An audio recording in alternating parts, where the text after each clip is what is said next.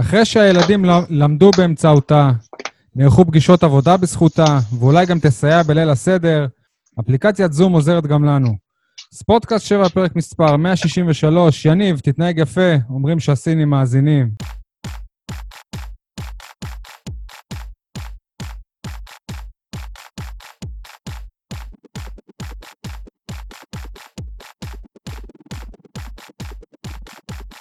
יניב סול מאתר ועיתון 7, מה שלומך? וואלה, מתחיל להיות יותר טוב. חוץ מהמחסור בביצים, אבל מסתבר ששחקני הפועל באר שבע גילו שיש להם הרבה ביצים. יפה, סול, יפה. אייל חטב מהיציא הדרומי ב... בימים שבהם עוד היו משחקים אה, כדורגל בצלון אותו טרנר, איך אתה? שלום, ערב טוב לך, שי, אני וגם לאורח שלנו שנמצא רחוק מבאר שבע, אבל תמיד נשאר משלנו. שלום, אוקיי. ערב טוב, מה שלומך? רגע, שנייה, שנייה, יאללה, הרס לי את ההצגה של האורח, עוד נשמור אותו עשר שניות בחשאיות. אני שי מוגילבסקי, ynet וידיעות אחרונות, אז uh, כפי שאמרנו, אנחנו מקליטים באמצעות אפליקציית זום, ואנחנו שמחים לארח בפרק הזה את אחד מכתבי התרבות הבכירים במדינת ישראל. זה שבין שלל אה, חשיפותיו בשנה האחרונה גם פרסם ראשון שמדונה תופיע באירוויזיון בתל אביב. הוא גדל בבאר שבע ולא באמת עזב אותה, קבלו את אחד האוהדים הגדולים של הפועל באר שבע בתקשורת הארצית, רן בוקר מ-ynet וידיעות אחרונות. אז רן, עכשיו באמת ברוך הבא, מה שלומך? תודה רבה, מזל שלא ויתרתי על הפתיח הזה בגללך, אייל. וואו, היה מכובד. מדונה. רן, אה, ספר לנו קצת מבחינה אישית איך אה, עוברת עליך התקופה הזאת, ממה שאמרת לי, בגלל הקורונה כבר אה, חודש וחצי לא חזרת הביתה לבאר שבע. נכון, חודש וחצי לא חזרתי הביתה, אני עובד כבר, לדעתי, זה השבוע השביעי, השמיני שאני סוגר, אני כבר... אני התחלתי את הבידוד עוד לפני שהוא התחיל בצורה רשמית, עוד לפני שביקשו מאנשים להישאר בבית. למה זה על דעת אה, עצמך או שהייתה איזו סיבה? לא, האמת שהיה לי כמה סידורים שהייתי צריך להישאר בבית באותו יום, ויומיים אחרי זה כבר אמרו בעבודה להישאר בבית, גם בוויינט הם היו רציניים אה, וחזו את מה שהולך לבוא, אז אמרו מי שיכול לעבוד מהבית, שיעבוד מהבית, ולכן נשארתי. אה, אז באמת אני פה ברמת השרון כבר כל כך הרבה זמן, לא הייתי בבאר שבע, אני לא רגיל לזה. בשוטף אתה רמת שרוני? כן, אני, בשוטף אני מגיע פעם, ב, פעם בשבועיים לבאר שבע, או, אני משתדל פעם בשבוע, תלוי, אתה יודע, זה תלוי אם אני בא עם החברה או בלי, אבל פעם בשבוע אני בבאר שבע. תלוי מתי יש משחקים בטרנר. כן, אבל עד לא מזמן, עד לא מזמן היית בעצם גר בעיר, נכון? כאילו, היית כן, פשוט עשיתי, על הקו נכון. של... אה, עשיתי, עשיתי אה, שלוש שנים, אה, באר שבע, ראשון לציון, כשמערכת ynet וידיעות אחרונות עברה לראשון לציון, הלוך חזור יום-יום, ולפני זה עוד שלוש שנים לתל אביב, כל יום ברכבת הייתי נוסע. אני, אני חושב שבאר שבע זה, זה לא רק בית, הרי בית זה, זה, זה ארבעה קירות, אפשר להשיג את זה בכל מקום. אה, באר שבע יש בה משהו מאוד מיוחד, ואת זה ניסיתי להסביר גם לאייל ברקוביץ', עליתי לשידור אצל אופירה וברקוביץ' וניסיתי להסביר לו. והוא אומר, מבחינתי באר שבע זה, זה עוד עיר. אז אמרתי שזה מאוד לא נכון לומר את זה. קח דוגמה, סתם דוגמה את יעקב אלון. יעקב אלון היה פה, בבאר שבע, אני אומר פה, אתה רואה, אני עדיין חושב שאני גר בבאר שבע, אה, בבית ספר היסודי למשהו כמו שנתיים או שלוש, ומאז הוא אוהד את הפועל באר שבע. כלומר, זה משהו שנשאר איתך, זה כמו איבר בגוף שלך, אי אפשר להוריד את זה ממך, ואם אתה מוריד, אם מורידים את זה ממך, אז אתה מרגיש כאב מאוד גדול ואתה סוג של נכות. הערת אה, ביניים, אלא אם אתה גר בצהלה. סליחה, אתה יכול להמשיך. תשמע, אני שמעתי את ה... אני שמעתי את השידור הזה, ואני רוצה רק לחדד את מה שברקוביץ' אמר. ברקוביץ' אמר שלפני אלונה ורוביק דנילוביץ', באר שבע הייתה עיר מגעילה. הוא בוחר להשתמש במילים האלה, אני לא רוצה לתת לו במה לדברים האלה. אני לא חושב, לא יודע מה הוא אמר במגעילה, אבל הוא אמר שהייתה עיר לא מפותחת, אני לא זוכר את הציטוט המדויק, אני לא, אם, אם יניב אומר שהוא זוכר, אז הוא זוכר, אני לא זוכר את הציטוט המדויק. אבל הוא לא הבין מה זה, ועכשיו אני רוצה לקחת אותך למה שקרה אה, היום לפני פסח. לפני פסח, אוהדי הפועל באר שבע, עם ארגון וסרמיליה, מתגייסים ושוברים שיא של שיירות הסיוע של תוכנית טלוויזיה הצינור. בכל הארץ הם התקשו לרוקן משאית מזון אחת כדי לשלוח לנזקקים. בבאר שבע הם רוקנו שתיים, וזה אוהדי הפועל באר שבע, וזה לא רק האוהדים. זה כל העיר הזאת, זה אנשים בעיר הזאת, יש בה משהו מיוחד, ומי שבאמת לא מבין את זה, ולא משנה איפה הוא גר, גם אם הוא גר בצהלה, או גם אם הוא גר בחולון, לא מבין את זה, יש לו בעיה, ואולי באמת הוא לא צריך להיות פה. הופה. לא סתם זרקת את צהלה וחולון. לגבי חולון, אני חושב שהוא מבין בדיוק מה זה העיר באר שבע. לגבי צהלה, אני חושב שאלונה ברקת, אם לקרוא לילד בשמו ולא לא להסתתר, אלונה ברקת עשתה המון למען באר שבע, אמ, והפכה אותנו באמת להיות אימפריה. עד עכשיו היינו מועדון גדול, אבל לא היינו קבוצה גדולה עד אלונה ברקת. גם, אגב, גם בעשר שנים הראשונות של אלונה לא היינו קבוצה גדולה. אמ, ואלונה ברקת ידעה לעשות את זה אה, כשהיא החליטה להשקיע כסף גדול יחד עם בעלה אלי, והם עשו את זה מאהבה מאוד גדולה. עכשיו, הם לא עשו את זה הם, אמ, מתוך הבטן, הם עשו את זה כנראה ממקום רציונלי מאוד. ואני יודע שבשנתיים, השנתיים וחצי האחרונות, למעשה מאז הרכש הגדול שהיה עם סאבו ואסלבנק, אה, שם הייתה נקודת השיא של אלונה ברקת, שהיא אמרה, אני רוצה להביא אליפות רביעית. וברגע שהיא הבינה שהיא לא מצליחה להביא את האליפות הרביעית הזאת, היא הלכה לכנסת, שם היה כישלון טוטאלי למפלגה, לימין החדש של בנט ושקד, ואלונה אה, נאלצה להישאר, וגם ב, ב, גם בינואר הזה היא חיזקה את הקבוצה כאילו היא רוצה להישאר, אבל כל מי שמוחו בראשו אה, ידע שאלונה ברקת פה על זמן שאול. וכשאלונה ברקת פה על זמן שאול, אני חושב שאף אחד לא מכריח אותה להישאר. אנחנו באמת מודים לה על מה שהיא עשתה, והיא באמת לא חייבת לנו כלום. אבל היא קיבלה קבוצה מרוסקת, אבל היא קיבלה קבוצה. היא לא קיבלה קבוצה בפירוק. ואלונה ברקת צריכה להשאיר פה קבוצה, לא צריכה להשאיר פה מפרק, ולא צריכה, כרגע הוא נקרא נאמן, אבל בשלב מסוים, אם לא יבוא רוכש והם יצטרכו להיות על תקציב הכנסות בלבד ושחקנים לא ירצו לקצץ, אז הוא יהפוך גם למפרק, שבית המשפט ימנה מפרק, אני לא יודע מה טוב. אבל בשורה התחתונה אי אפשר לבוא ו- ולהגיד, אני הפכתי את באר שבע למה שזה נכון, ואז לבוא ופשוט לזרוק אותנו מכל המדרגות. יש פה אחריות. אלונה ברקת כל הזמן דיברה על ערכים, כל הזמן דיברה על אה, לגרום לילדים להגשים על חלומות. על משפחה. אז מה קרה עכשיו? על משפחה. אז מה קרה עכשיו לאותם ילדים? אין להם חלומות. דווקא בתקופת הקורונה, ככה לעזוב הכל כי נפגעת משחקנים שלא רצו לקצץ? אז שלא תבין, אני לא חוסך ביקורת מהשחקנים, השחקנים התנהגו בצורה מביכה, מבישה, דוחה, באיזה מילה שלא תבחר. אבל, אבל בסופו של דבר הם הבינו את הטעות, אם בשל לחץ, אם הם באמת הבינו, אבל, אבל לא משנה, הם הסכימו למתווה המקורי. בדיוק, הם הסכימו למתווה המקורי, ועכשיו אלונה ברקת צריכה להגיד, תשמעו חבר'ה, אתם מסכימים, בואו נלך לקיצוץ הזה. אני, בסוף העונה הבאה, בסוף העונה הבאה, אעביר את הקבוצה לכל מי שירצה. אני יוצאת מהפועל באר שבע, ואז זה נותן לנו, האוהדים, זמן להתארגן, להביא אנשי עסקים. כי כרגע את מי אפשר להביא? מי, מי בכלל חושב על לשים כסף בכדורגל? לאנשים, אתה יודע, האנשי העסקים הכי גדולים נופלים, ומאבדים הרבה מאוד כסף, אז, אז מה זה עושה? אותנו לפח? אלונה זה אנשי העסקים הכי גדולים. בדיוק. באמת, הם חוו נפילה ענקית. אני לא יודע לגבי ברקת, ואני גם לא מכיר מספרים של אחרים. שנייה, אז שה... אני, אני אגיד לך, רן, אני לפני שבוע בדקתי את המניה, את, ה, את כמות המניות של uh, BRM, זאת החברה שבבעלות uh, אלי ברקת, ניר ברקת ועוד, ועוד איזה שותף שלהם. להם יש 28% בחברת ההשקעות מיטב דש, בבית ההשקעות מיטב דש. זה העסק העיקרי של משפחת ברקת. הם, הם רכשו את המניות האלה תמורת 600 מיליון שקל לפני 11 שנים. עכשיו, לפני שנה המניות שלהם עדיין היו שווים 600 מיליון שקל. אתה, אתה, אתה יודע כמה הם שווים לפני שבוע כשבדקתי? כמה? 143 מיליון. וה, והירידה כן, היא תוך אה, חודש, חודש וחצי. כן, אבל תשמע, אבל אני מניח שכל מה שיורד עכשיו, טבעו לעלות בהמשך. נכון, לא נכון. שאנחנו נמשיך עם המשבר האדיר הזה. אבל אם בבנק היה לי גם 600 אה, שקל, וזה ירד פתאום ל-120, הייתי בבעיה. בגלל זה אני אומר, בגלל זה אני לא מכריח את אלונה להישאר, שלא... תראה, אני לא מעביר פה ביקורת על אלונה כבן אדם. אני מעביר פה ביקורת על הדרך, ולא כבעלים, על הדרך... וטיימינג, טיימינג גם. היא יכולה גם להגיד בסיום העונה שהיא עוזבת. גם, אתה יודע מה? גם בסיום העונה הזאת. תבואי, תגידי, אני עוזבת, הקבוצה תמשיך להתנהל. עוד את יכולה לעשות את זה אחרי גביע אולי, ובכלל זה איזשהו שיא של... בדיוק. עכשיו, תראה, אם ברגע שהפועל באר שבע תלך לפירוק, הכתם הזה יהיה על כל 21 או 23 שחקנים שרשומים בסגל, הכתם הזה יהיה גם על יוסי אבוקסיס אם הוא יעזוב, אם הוא יבחר לעזוב, ובעיקר על אלונה ברקת, כי זה לא, ברק בכר כתב משהו מדהים אה, לפני שבוע או שבועיים באיזשהו טור בעיתון. התלהבת ממה שהוא כתב, כן. הוא כתב רק, אני אגיד לך משפט אחד מה שלקחתי משם.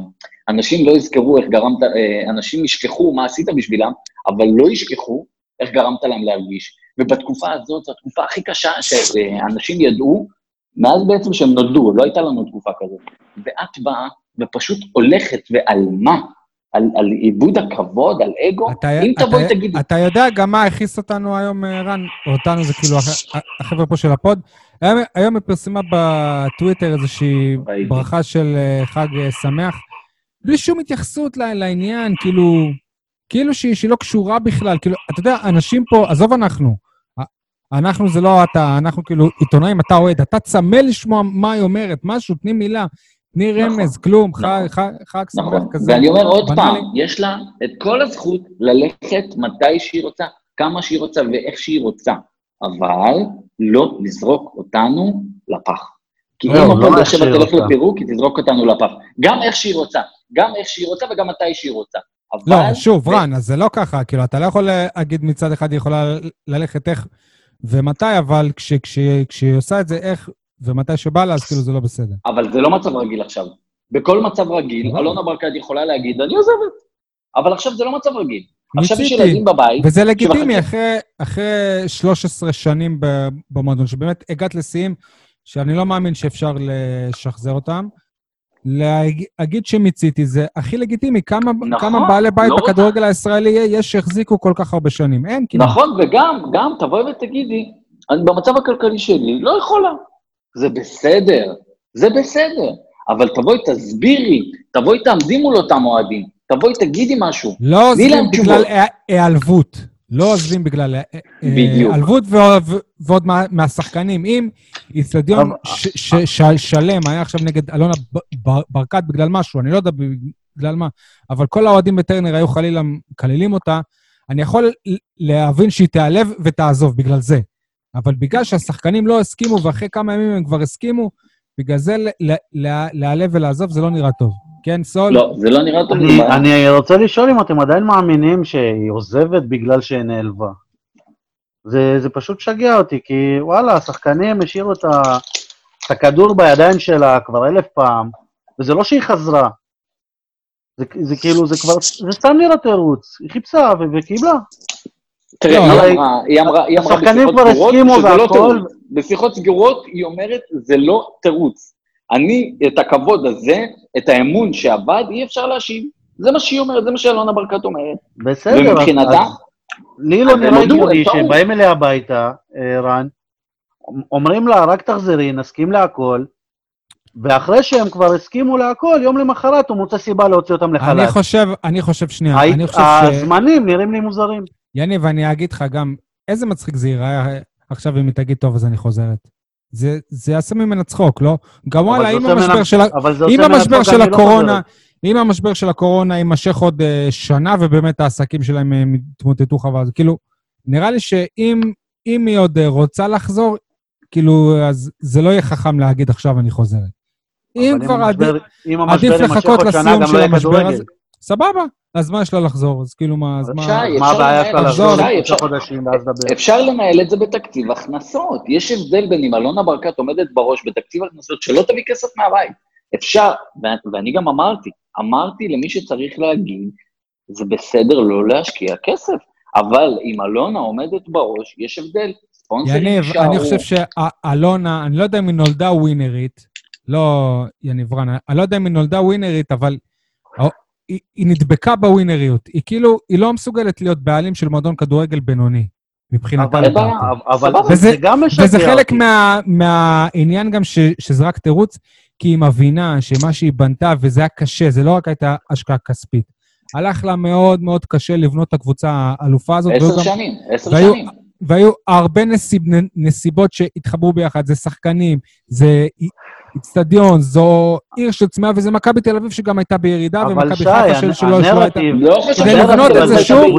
כדי לבנות את זה שוב, אני, אני חושב שפשוט היא מאמינה שזה לא, שזה לא אפשרי. שנייה, כן, הנרטיב יניב. הזה של קבוצה בינונית, זה, זה מה זה נרטיב לא נכון? כי, כי גם מכבי תל אביב קצצת, גם מכבי חיפה תקצץ, כולם יקצצו והכל יהיה יחסי.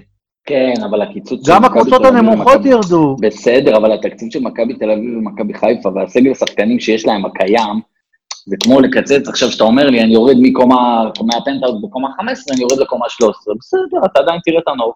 אבל כשאתה יורד מקומה ראשונה לצריף, זה בעיה, ואני יכול להבין גם את זה, ועדיין, אבל כשיש לך תקציב, ולה- שאמרת להסתדר עם תקציב בלי להביא כסף מהבית, רק הכמות אוהדים, האיצטדיון, ההכנסות מזכויות שידור, זה כבר יותר מרעננה ומכל הקטנות האלה. אתה עדיין יכול להיות בטופ עם כל הקיצוצים. נכון, זה- בגלל זה אני אומר, בואי, תני פה עוד כמה חודשים. תשאירי אדמה שאפשר, אה, שצמחים יכולים לצמוח עליה. לא להשאיר... שגם מישהו להם- יבוא, שמישהו ירצה לקחת את בדיוק. הקבוצה.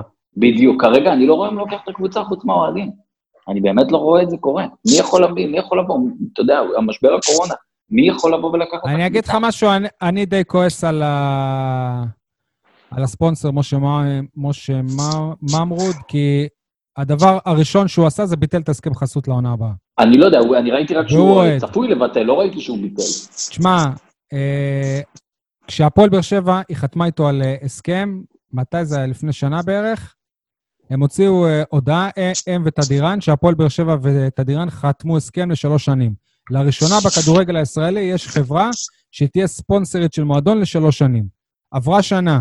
באותו יום שאלונה הודיעה שהיא עוזבת, בתדירן הם אה, הודיעו שהוכנס סעיף שהם יכולים לעזוב והם יממשו אותו. ומבחינתם? ההסכם הוא, הוא, הוא, הוא, לשנה, והוא אוהד.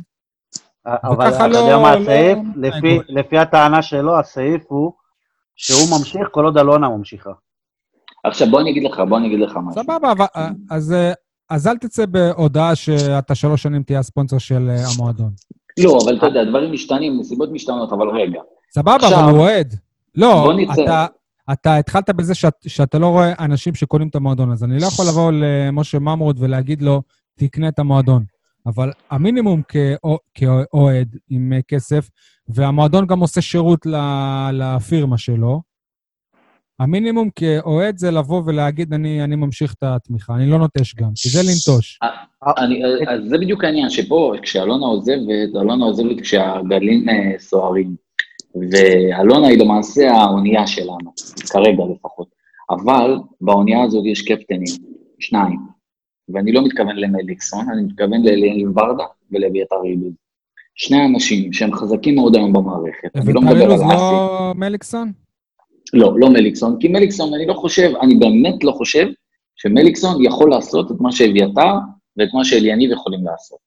אני באמת חושב שאם אה, הכדור באמת עובר אליהם, ברגע, אם אליניב ואביתר ישנסו מותניים ויגידו, אנחנו נטפל במועדון, אנחנו, יש לאליניב קשרים, אליניב מאוד מאוד אהוב, אביתר מכיר את השטח היטב, אפשר להציל את זה עם האוהדים, ואם אליניב ייקח את זה, ויחליט שזה הפרויקט שלו.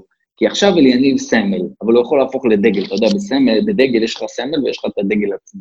אליניב יכול להפוך להיות הדגל, ויכול להיות האיש החזק בהפועל באר שבע, והוא מסוגל גם ברמה האינטלקטואלית הוא יכול, גם ברמת, ברמה הניהולית הוא יכול, וגם הוא מכיר הרבה מאוד אנשים, והוא יודע גם באירופה איך עובדים. כלומר, אליניב וגם זה לא מה שהוא. רצה בתכלס. הוא רצה להיות... אה, הוא רצה להיות מנהל. מקצועי. אגב, על אילוז אני בספק איתך, כאילו, אני לא יודע אם... אני לא חושב... דווקא על, מל... על מליקסון יותר, אילוז אני לא יודע. פחות, אבל סבבה. מליקסון, מליקסון. חי את השטח, חי את העיר, אני לא יודע. בטח, בטח. הוא חי. אז, אז, אז, אז שלושתם, אז שלושתם, אז שלושה קודקודים כאלה, שהם שמות. ושגם יש להם את אה. אסי רחמים, שאני בטוח אסי, אני לא חושב רחמים... שאסי יישאר. אני לא חושב שאסי יישאר, אני. תשמע, אסי רחמים, אני, אני חושב שדווקא הוא הכי, הכי קל יהיה לה- להשאיר אותו, כל עוד יראו, יראו לו ש, שרוצים אותו. כל, כל בעל, בעל בית או כל מי שינהל את אה, המועדון וירצה את הסיוע של אסי רחמים, אסי רחמים יהיה שם, לדעתי. השאלה אם אסי, יהיה לו את האומץ לבוא ולהגיד לשחקנים, אתם הולכים הביתה, או אם לא תקצצו, אתם הולכים. כי בסוף, נורא קשה לאנשים שניהלת אותם כן, אבל כל כך אה, טובות. אתה לא, אתה לא מדבר על זה, אתה מדבר כבר על, אה, על שלב שהוא אחרי אולי.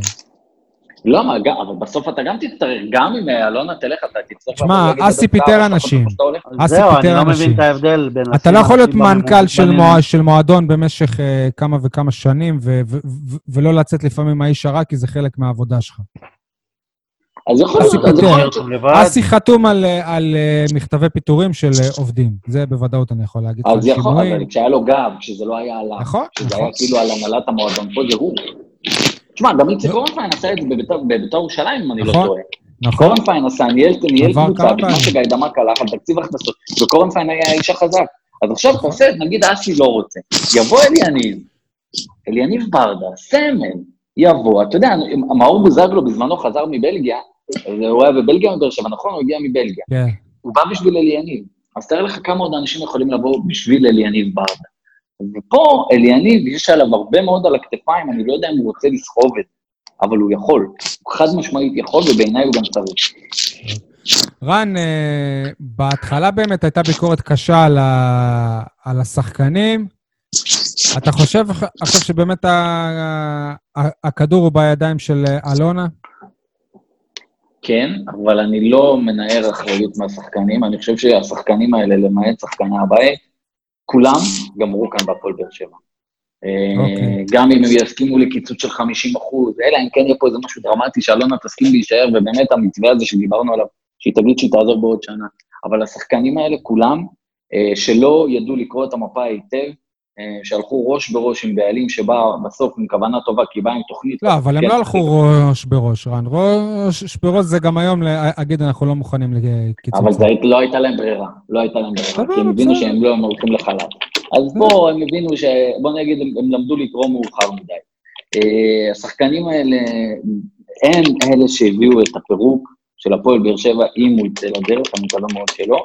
השחקנים האלה הם אלה שגרמו למשבר העיקרי הזה, כי בסוף יכולנו להמשיך את השנה הבאה עם אלונה ברקת, ובסוף היא הייתה עוזבת, אין לי שאלה, עניין של זמן, שנה, שנתיים היא הייתה עוזבת. אבל השחקנים, בשביל כמה עשרות אלפי דולרים, עכשיו אם אתה בא ואומר לי שיש שחקנים שמרוויחים 12,000 שקל בחודש, והם לא היו מוכנים ל-30% קיצוץ, אני אגיד לך, אני מקבל את זה, כי הם צריכים להביא אוכל הביתה. אבל פה זה לא, מדובר כאן על סכומים מאוד גבוהים. אז תרוויחו פחות, אמרתי, תרדו מקומה, חמיש, מקומה 15, תרדו לקומה 13, הכל בסדר. אתם העדפתם את טובתכם האישית על פני טובת המועדון, ואני חייב להגיד לך, שאני שמעתי מגורמים שלישיים, אבל מגורמים שאני מאוד מאמין להם, אנשים שאני רואה אותם הרבה מאוד זמן, ציטוטים מאוד קשים לחלק מהשחקנים, מאוד קשים. אני לא נוקב בציטוטים האלה, כי אני באמת לא יודע אם הם נאמרו. אה, מה אתה. מדבר, ששחקנים על המועדון, כאילו? על כן. אלונה? על המועד, לא, על המועדון ועל העיר, שחוסר אכפתיות. אבל אני לא יכול לנקוט בציטוטים האלה, כי אני לא שמעתי הקלטות שלהם. אני רק אומר שאם הדברים האלה נאמרו, ואני סומך על האנשים שאמרו לי את זה רק בשביל ההרגשה שלי, לא בשביל לפרסם את זה בציבור, שאם הדברים האלה נאמרו זה חמור ביותר, ואני באמת חושב שכל השחקנים האלה, למעט שחקני הבית, שהקול שלהם לא נשמע, איזה וחבל שחקני לי, בית? אבל קשה מאוד שחקני לשפוט. בית? איזה יש לך את עמית- בית? יש לך את עמית ביטון, יש לך את עומר יוסף ואורדליה, שאתה יודע, אם יש לך שלושה מורדים, אתה מצפה מהם שהם כאילו... לא, לא, אני אומר, אני אומר, לא בטוח שזה הוגן לצפות מהם. אני לא חושב שזה הוגן לצפות מהם, בגלל זה אני גם לא שופט אותם, כי אני לא חושב שזה הוגן לצפות מהם. אבל אם אלניב ברדה הוא... אם אלניב ברדה הוא היה שחקן, הייתי מצפה לשמוע את קולו. כן, סול. אה, כן, זה נכון. תקשיבו, בקטע הזה, אלונה, מאז שהיא הגיעה, היא הנהיגה איזושהי מדיניות של שכירי חרב. ועל מה היא נעלבה? על זה ששכירי החרב לא מוכנים להיות שכירי חרב, הם צריכים להראות נאמנות למועדון. עכשיו, זה שחקנים שלפני שנה לא היו פה. למה שהם יראו נאמנות? אני לא חושב שהם לב הבעיה. אני לא חושב שהם לב הבעיה. לא, זה לא מה חושב- שאני אומר, הבעיה היא בה. אם לא, לא, לא, לא. מ- לא, ממישהו לא, שירגיש. מחויב, שהוא לא נמצא פה בכלל. אם היית סומך על שחק- אם היית סומך על שחקני בית, גם לא היית מביא את השלוש אליפויות האלה. בוא, צריך להיות עם ה... הבעיה הייתה, הבעיה הייתה, כל ש- ש- שורש הבעיה, שהיא לא הייתה מוכנה אפילו למינימום של משא ומתן. ווואלה, כשאתה בעסקים, כשאתה, כשאתה מנהל דברים, כשאתה חותך לאנשים סליחה בכסף, שהיו באים אליך עכשיו בעבודה כשאתה חותך ל... נו, היו אומרים לך, אתה- אומרים לך בעבודה עכשיו, תקשיב, אנחנו יוצאים לקיצוץ של 30 אחוז. נראה לך שאתה הולך למנכ"ל שלך ואומר לו, תקשיב, אני לא מקצץ? או בוא, בוא נדבר על זה? תן לדבר, תן זה, אז הוא לקח... מי מדבר? מי אז מדבר למה יש לי חוזה? אז למה יש לי חוזה? אז לא, מה שווה אבל- החוזה? אבל בסדר, אבל. מישהו ידע שיהיה קורונה? אני לא, לא חושב- אני אה. לא חושב שהעניין של המשא ומתן... רן, רן, הבעיה פה. אבל אבל פה זה כבעלים... לא היה ככה, פה, זה היה, כבעלים- אני לוקחת לכם 15 משכורות, כשאף אחד בארץ לא עושה את זה, אין תקדים, אין כלום, ואתם היחידים שתעשו את זה, ובואו נראה מה יהיה. אבל תקשיב... לא, רן, רן, רן, מסתכל זה-. זה אנשים עם חוזה פיקס עם אלונה ברקת, סבבה? אלונה ברקת חייבת לעמוד בחוזים האלה אם היא תרצה ואם לא. אוקיי? בסדר, זאת אומרת, כשאתה חותם על חוזה... למה, מה? למה, בוא, בוא נקביל את זה, בוא, בוא, בוא נקביל את זה לעולם שאני עובד בו, בסדר? לעולם הטלוויזיה. למרות שזה קשה? להשוות. למה? כי- רגע, לא, בוא נלך על הטאלנטים, לא נלך על העובדים הפשוטים. למה קשת, שהוא הגוף הכי חזק בארץ, בואו נמשיל אותו לקבוצות צמרת כמו מכבי תל אביב, הפועל באר שבע, מכבי חיפה, בסדר? למה הם יכולים לבוא ולהגיד לטאלנטים, אנחנו מורידים לכם 15%? הלו, אנחנו זה ערוץ 13, רן, אנחנו זה ערוץ 13, תרגיע, אנחנו לא קשת ולא... אז לפי, אז לפי ההתנהלות, אז אנחנו צריכים ללכת לבית הדין לעבודה, כי הם הולכים לבית הדין לעבודה. זה לשם זה הולך, כן. אז זה נראה לי. אבל אני אומר, אם, אם קשת יכולים לבוא ולהגיד לטאלנטים שלהם, אתם מקצצים 15%, מישהו בכלל דיבר? שמעת את בסלע? אני בטוח ש- שהיו כאלה שאמרו אולי- אולי- אולי 10, אולי... מדברים, מה, כאילו, אתה יודע, זה... אבל בסוף זה. קרה, בסוף זה יצא 15%. סבבה, מה זה משנה? בסדר. אבל גם פה. זה... אבל גם פה, אם, אה, אם השחקנים אמרו, אנחנו לא מוכנים, אז היא הייתה מכנסת את כולם ומסבירה להם. תראה לי באמת את השחקן שאחרי שהיה שומע את אלונה ומדבר איתה ובעיניים, והיא אומרת לו, אין לי, יש לי בעיה פה, יש, אחרת אני אעזוב. אני כאלה, רוצה לש- יש שחקנים כאלה. אז השחקנים האלה שחקנים- היה צריך לטפל בהם בצורה קשה. יש שחקנים כאלה, אני אומר אז לך... תטפל אני- בהם, תשמע, סבבה, אז ממה תטפל שאני בהם. שמעתי, שי, ממה שאני שמעתי, זה שאלונה ברקת, ואת זה שמעתי מגורם ראשון, אה, אלונה ברקת באה לסוכנות. גורם- ראשון זה אלונה ברקת, רן. מזכיר. לא יודע, לא יודע. אני אמרתי גורם אוקיי. ראשון, אולי זה השחקנים. גורם אה, ראשון זה אוקיי, גורם נו. ראשון. אם זה... לאלונה ברקת יש שם, לא יכולתי להגיד אלונה. שמעתי כן. מגורם ראשון, שאותה אלונה ברקת ישבה עם סוכנים, הבהירה להם, הסוכנים הסכימו, אבל אמרו, השחקנים רוצים לשמוע בעצמם. הלכה הגברת ברקת לשחקנים, אמרה להם, שחקנים לא. הנהנו בראש, לא הנהנו, לא לכולם. נציגים, בסדר, נציגים כן. של השחקנים. שחקנים הנהנו בראש, אותם שחקנים שהנהנו בראש, אחר כך אמרו בואו נביא עורך דין. אז למה עורך דין? אתה רוצה לדבר? אתה רוצה לפרוק את אשר על לבך? למה כשרצית לעלות שכר, הבאת את תגיד השכר לי, אני שלך נותן ולא לך עורך דין? דוגמה, אני נותן לך דוגמה. אתה חושב שבן סער, אחרי שיחה עם אלונה, לא הלך ודיבר עם אמא שלו? אמא שלו היא גם חלק מהקריירה שלו. בסדר, מאה אחוז. סבבה. אז אני אומר, אז, אז, אז, אז אני אומר, יש כאן אז בעיה. אמא שלו, אז אמא שלו אומרת לו, תיקח אה, איזה מישהו שהוא, אה, שהוא אה, מבין בזה, מה, לא, לא עושים את זה ככה, פה, שם, בוא, נראה וזה. אז אבל אתה מה? מבין, אתה מבין רן, שהיום, אז אתה מבין מה? שהיום היינו החלוצים. אתה מבין שהיום היינו החלוצים, כן? שקבוצות אחרות גם קיצצו לעונה הבאה. בסדר, אז מה? ברור. אז מה קרה פתאום? אז כאילו, אה, מה, זה, ש, זה שאלונה צפתה את פני העתיד? אני אומר שוב, הביקורת שלי היא לא על המהלך שלה, של הקיצוצים. היא הייתה צריכה לקצץ. ברור, גם ברור, זה- זה בכל העולם עושים, ברור. שי, גם זה שהיא אמרה להם, אבל יש דרך ל- להידברות. לא מסכים, אלונה- לא מסכים, לא מסכים. אלונה צריכה לא. להבין שהיא מסכים, מתעסקת אני במצוקה. אנשים. אני במצוקה, אין לי כסף אבל גם הם. במצוקה. למה במצוקה? אם אתה? מוריד אם אתה מוריד לי של- 30 אחוז, אתה מכניס אותי למצוקה. אז בגלל זה אמרתי, אנשים שמרוויחים 12-15, יכולתי להבין אם יתנגדו. אבל אנשים שמרוויחים עשרות אלפי דולרים בחודש, מה קרה? תראה רן קדוש איזה יופי, מה קרה? בואו נסתכל רגע על טובת הקבוצה, טובת הכלל. למה אנחנו, השחקנים, בגלל זה אני אומר, אבל הנה, שאותם אבל בסופו שחקנים של דבר- הבית גמרו פה. אני רוצה לשאול אותך אני לא דבר עודד אחר. אותם, אני לא עודד את השחקנים האלה, תהיה בטוח. אף אחד מהם אני לא עודד, גם לא אני- בגמר אני- גביע. אני רוצה לשאול אותך משהו. רן. שנייה, שי. אתה אוהד, בסופו של די. דבר, אם, אה, אם אה, הכל ייגמר, אתה תעודד. כן, סול. כשאלונה באה לשחקנים, היא הציעה לכל אחד קיצוץ אישי, היא, אמרה להם 30 אחוז לכולם, נכון? 30 חוץ אחוז חצי, נכון? עכשיו, מה הבעיה? שהשחקנים אה, יתאגדו? ליוסף. היא הציעה להם, משהו רוחבי, אז גם הם יתאגדו נגדה. מה זה נגדה? כאילו, יתאגדו בשביל להבין מה המשמעות. אם היא הייתה בסדר, מדברת הנה עם כל אחד באופן אז- אישי, אז הייתי מבין את העלבות, למה, על זה שהם יתאגדו. לא, אני לא חושב, אני לא חושב, אני לא חושב, אני לא חושב, אני באמת אומר שאם לכל אחד מאיתנו יבואו ויגידו, תקשיב, המצב לא טוב בעסק, בוא נקצץ, כולנו נסכים. ואנחנו בכלל לא ניכנס למשא ומתן. מתי? אני לא מכיר מישהו שלך נכנס למשא ומתן בתקופת הקורונה. חבר'ה, ו- ו- ולא תגיד שאלונה מישהו ברקת ב- לא נתנה להם את הזמן. הידיעה דלפה לאתר, אבל בכל הידיעה דלפה אה, לאופירה אסייג. רן, אבל בכל המועדונים היה משא ומתן.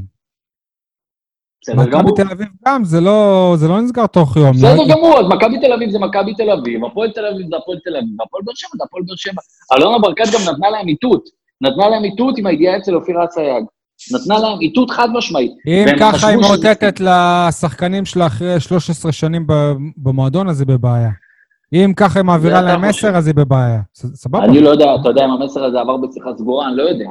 אני יודע גם- כרגע שאנחנו באמת צריכים לשנס מותניים, כולנו, לא להתחנן אליה שתישאר, כי באמת, אני חושב ש... ש... לא משנה מה נגיד, זה לא יעזור. כן, אני לא הבנתי. מה זה? מה אמרת? לא להתחנן או להתחנן? לא להתחנן, לא, לא להתחנן, לא, לא להתחנן, כי אני באמת חושב שזה לא יעזור, זה עניין שלה עם עצמה. אה, אם היא רוצה להישאר כאן, אנחנו נקבל את זה באהבה גדולה ובהבנה גם שהיא תגיד שאני הולכת בתום תקופה מסוימת, שזה בסדר וזכותה.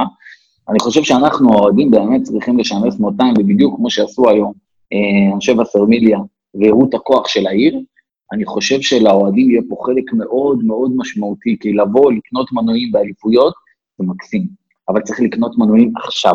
אתה יודע מה? בוא אני אגיד לך, שי, אתה יודע את זה. אני העונה החלטתי לקנות מנוי, אה, למרות שיכולתי, אה, שאני ב- ב- ב- ב- אני יושב כן. ביציע עיתונאים, אה, וכן בחרתי לקנות מנוי, כי אני חושב שלהביע אה, תמיכה ברגעים קשים, שמה אלה האוהדים, וההרגשה הזאת של הימים הקשים האלה, הרגשתי אותה כבר מהקיץ. כבר מהקיץ הרגשתי אותה. ויותר מזה אני אגיד לך, הרגשתי את זה גם מהעונה שעברה, עם ברק. אז אני כן חושב שאנחנו צריכים באמת, יש לנו פה המון המון כוח, וביחד אני חושב שאנחנו יכולים להוציא את הקבוצה הזאת מהבוץ, רק שאלונה ברקת תחליט מה היא עושה כבר, העלית לי. איזה רעיון, רן. דבר עם אה, וסרמיליה או משהו, שיפתחו איזה גיוס אה, המונים, שכל אוהד שם אה, אלף שקל, שהאלף שקל האלה הם מנוי לעונה הבאה. תחשוב, אתה בא לאלונה עכשיו עם, עזוב 12, עם היא לא עשרת רוצה, היא לא רוצה, היא לא רוצה. לא ההצעה. הזאת, הוא הוא עלתה בפניה, היא לא רוצה. בסדר, סבבה, כש, כי, כי, כי היא אומרת אני עוזבת. אבל תחשוב אם זה קורה, ת, תחשוב איזה לחץ אה, ציבורי, ציבורי יהיה אם, אה, אם את- באים אתם אליי לא עם... מבינים שהיא מצאה תירוץ אחר אחרי זה? בסדר, רגע, אז אני אומר, גם אם אלונה לא תישאר, תחשוב, כמה, כמה מנויים יכולים להיכנס בטרנר, שי? כמה? מנויים אפשר? 12,000? כמה מנויים אפשר כן. לקנות באר כן. שבע? 12,000? 12,000 כפול 1,000 שקל. אתה זה יודע לא מה, בוא תעשה ממוצע 700 שקל. זה יהיה הכוח שלנו, לבוא לספונסר ולהגיד לו, כן, אבל זה "אה, לא, זה, לא, זה לא יקרה, כי לצערנו, רן, ולצערנו אנחנו נוכל גם לדעת את זה כנראה בעתיד הקרוב של העונה הבאה. הרבה אוהדים הם אוהדי הצלחות אמיתיים. נכון, זאת אומרת, כשיראו. שהקבוצה היא לא... אבל שי, גם אם אני אומר לך, אז בוא נעשה ככה. אז בוא נעשה ככה, יש לבאר שבע גרעין אמיתי של 5,000, שזה 5,000, אנחנו... של של 5,000, 6,000, שזה אנחנו נכון. זוכרים גם בתקופה של וסרמיל, של נכון. 5,000, 6,000 האלה קונים מנוי, ושמים עוד 500 שקל. עוד 500 שקל. זה בעייתי, כי שוב, אנחנו גם אה. בתקופת קורונה, אבל עזוב, הדיון הזה אני לא, אני לא תיאורטי מסכים. לגבי ההגדרה הזאת של המושג אוהדי הפועל באר שבע, 5,000, 6,000 זה הגרעין. לא, יש גרעין, גם לבית"ר ירושלים יש גרעין, גם למכבי תל אביב יש גרעין. כן, בתקופה של אבל- אלי ארציקוביץ' במכבי תל אביב היה 10,000? ממש לא. לא, אני מסכים. איתך שיש כמות כזאת, אבל אני לא מסכים איתך שהגרעין הם אוהדי הפועל באר שבע, כי התקופה האחרונה העלתה שאלה אחרת לגמרי. יש הרבה אנשים שאני מגדיר כאוהדי אלונה ברקת, לא אוהדי הפועל באר שבע. למשל, כמו שאמרת, ממרוד, שאם הוא אוהד, הוא תומך בקבוצה, הוא לא תומך כל עוד אלונה נשארת. אבל משה ממרוד, היה- משה ממרוד תמך בקבוצה עוד לא, לא, לפני כן, הימים הגדולים.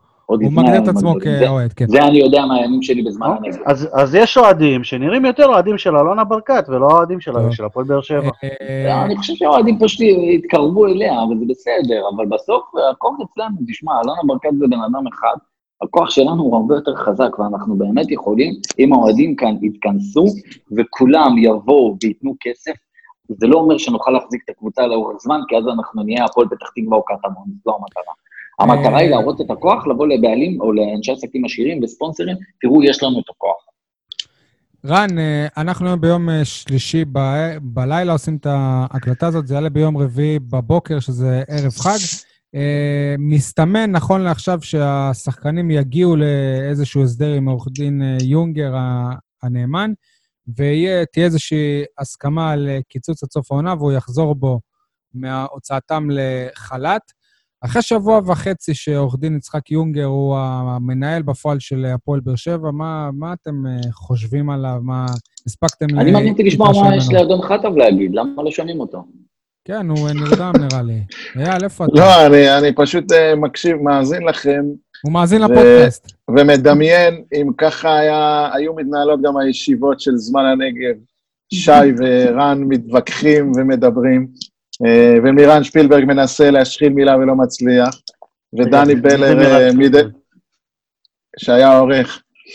אה, לא, לא, לא. לא משנה, אני אה, בתפקיד הזה עכשיו? אה, אפשר, אפשר, אם אתה רוצה, בכיף. אה, יש כמה הערות בהמשך לדיון שלכם, והקשבתי לו בקשב רב. קודם כל, אה, שי, אתה אמרת קודם שאדרבה, אה, אה, אלונה תישארי, ניקח גביע, ואז תעזבי. אז אני מזכיר לך שאלי להב עשה את זה בדיוק אחרי גביע, וזה היה לא פחות טראומטי, קשה, עצוב, מבאס, מתסכל, ובעונה שאחרי זה אפילו ירדנו ליגה. אבל בפועל הוא עזב רק חצי עונה אחרי, לא בצורה מסודרת כזאת. לא, לא, לא, הוא עזב כבר באוגוסט-ספטמבר לא, אלי זינו לקח את הקבוצה באמצע של העונה.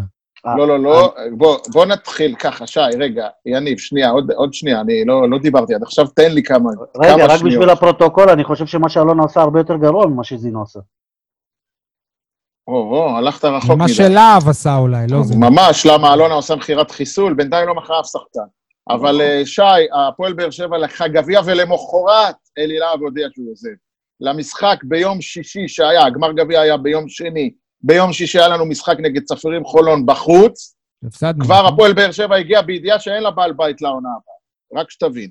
אבל זה שזה קרה סופית באוגוסט, ספטמבר, אני זוכר, היינו שם ב- לא, באיצטדיון. אחרי, אחרי, אחרי תחילת... לא, לא, באוגוסט, ספטמבר, אני אומר לך, אני זוכר, זה היה ככה לקראת אה, החגים. זה, זה היה אה, בגביע טוטו כזה, לפני גביע טוטו, בזמן גביע טוטו של, של טרום עונה. זה, זה דבר אחד. דבר שני, אין גירושים טובים, כל מי שמספר לכם את ה... בטח בכדורגל, כל אוהד מרגיש נפגע, וכל בעל בית, אם תלכו לאורך כל הקבוצות שעזבו עזבו אותם בעלי בית, גם הגירושים מברק בכר הם לא היו טובים, כמה ש... אין דבר כזה פרדות יפות, זה, זה, זה יותר מדי רומנטי ויותר מדי אה, נאיבי לחשוב את זה, בטח ובטח במקומות, אתה יודע, עם אמוציות ואגרסיה. אם זה יקרה ברעננה, אני מניח אולי אשר אלון יעזוב, זה יהיה קשה, זה יהיה פחות קשה. אבל יאללה, קבוצות כמו באר שבע וביתר... הבעיה שבקטע הזה, צד שלישי משלם את המזונות. מי זה הצד השלישי? שלי. האוהדים? האוהדים. לא, אז אנחנו, אנחנו, לא, האוהדים זה, זה הצד ה... הצחקנים לצורך העניין. האוהדים זה. הילדים, האוהדים זה הילדים. בדיוק, האוהדים זה הילדים, נכון. דבר שלישי שאני רוצה להעיר, אנחנו עכשיו בתקופת הקורונה, אני קורא ושומע המון המון דיונים, איך הקורונה משנה את, ה, את העולם, והיא גורמת לנו לחשוב, תראו איך הטבע חוזר, ואיך אנחנו אה, פתאום לבד בבית. אתם מכירים את כל הדיונים ה... משפחתיות. המשפחתיות, כן. אז אני רוצה להגיד לכם, שבמובן הזה, אני אומר תודה, רק במובן הזה, כן? תודה לך, קורונה, שהחזרת את הפועל באר שבע, להיות הפועל באר שבע, ולא הבלון הנפוח הזה של הקבוצה עם השמנה והסלטה. אנחנו לא היינו כאלה, אנחנו לא כאלה, ואני גם לא רוצה להיות כזה. זה אתה, היה. אני רוצה להיות הפועל באר שבע האותנטית, האמיתית, הטבעית, הבסיסית. מישהו הלוזרית. שינה... הלוזרית. כן, אוקיי. הלוזרית, כן, אין לי בעיה להיות גם הלוזרית. לא, נכון, אני מחדד רק את מה שאתה אומר. אם זה מה שמאפיין אותי, אז סבבה, אמרתי לך אבל כבר רוב בפרק ה- הקודם, אני לא חי מהאליפויות. אבל רוב האוהדים הם לא כאלה. אוקיי, בסדר, אבל מי שעומד בראש המועדון צריך לקחת בחשבון שלמועדון הזה יש צביון ויש מורשת. אוקיי, רצ, רצינו באמת לקחת... הצביון זה לא. להיות לוזרי. הצביון זה להיות מועדון כדורגל שמחובר לעיר ולקהילה. והפועל באר שבע של השנים האחרונות, היא לא מחוברת לעיר ולקהילה, זה אגדה, זה שיש לה 12,000 מנויים, אבל נגד פיינורד באים 6,900, זה לא אומר שהיא מחוברת לקהילה, תסלח לי, אני. מסכים, אה, אני מסכים איתך בקטע הזה. וגם בקשר, ל, ל, אתה יודע, לשכר שחקנים ו, ו, ו, וכל הרמות שכר האלה המטורפות שהשתוללו פה, וואלה, מה אני אגיד לכם? זה בא על חשבון, שוב, צביון מקומי, שחקני בית, אנשים. איבדנו את הדרך, ועכשיו אלונה הולכת לאיבוד, כי היא איבדה את הדרך. אם היום היה לנו גרעין של לא עלה נידף עמית ביטון, שפעם ב-20 מחזורים הוא עולה בהרכב, רק כי שלושה בלמים לפניו נפצעו, ואחד אלא. היו. או שברק בכר הוא מע- הוא מעדיף אה, קשרים ולא לעלות עם עמית ביטון. אם מחר לצורך העניין מיץ' גולדהר עוזב את מכבי תל אביב, היא עדיין מועמדת לאליפות עם הסגל השחקני בית שלה, רק מעדן קרצה ואלמוג בוזג, לא אלמוג בוזג, לא... אלו- אלמוג איל- אילון, איל- אילון אלמוג, רק מהילדים האלה, ודן גלאזר ו- ודור פרץ, ופיבן ופרץ, רק אלה היא. תהיה מתמודדת על האליפות. אז באר שבע עוד לא. שם. אה, כן, מצחיק. באר שבע עוד לא שם, היא רחוקה משם, כי בקטע הזה, אלונה ברקת בפירוש נכשלה כישלון חרוץ.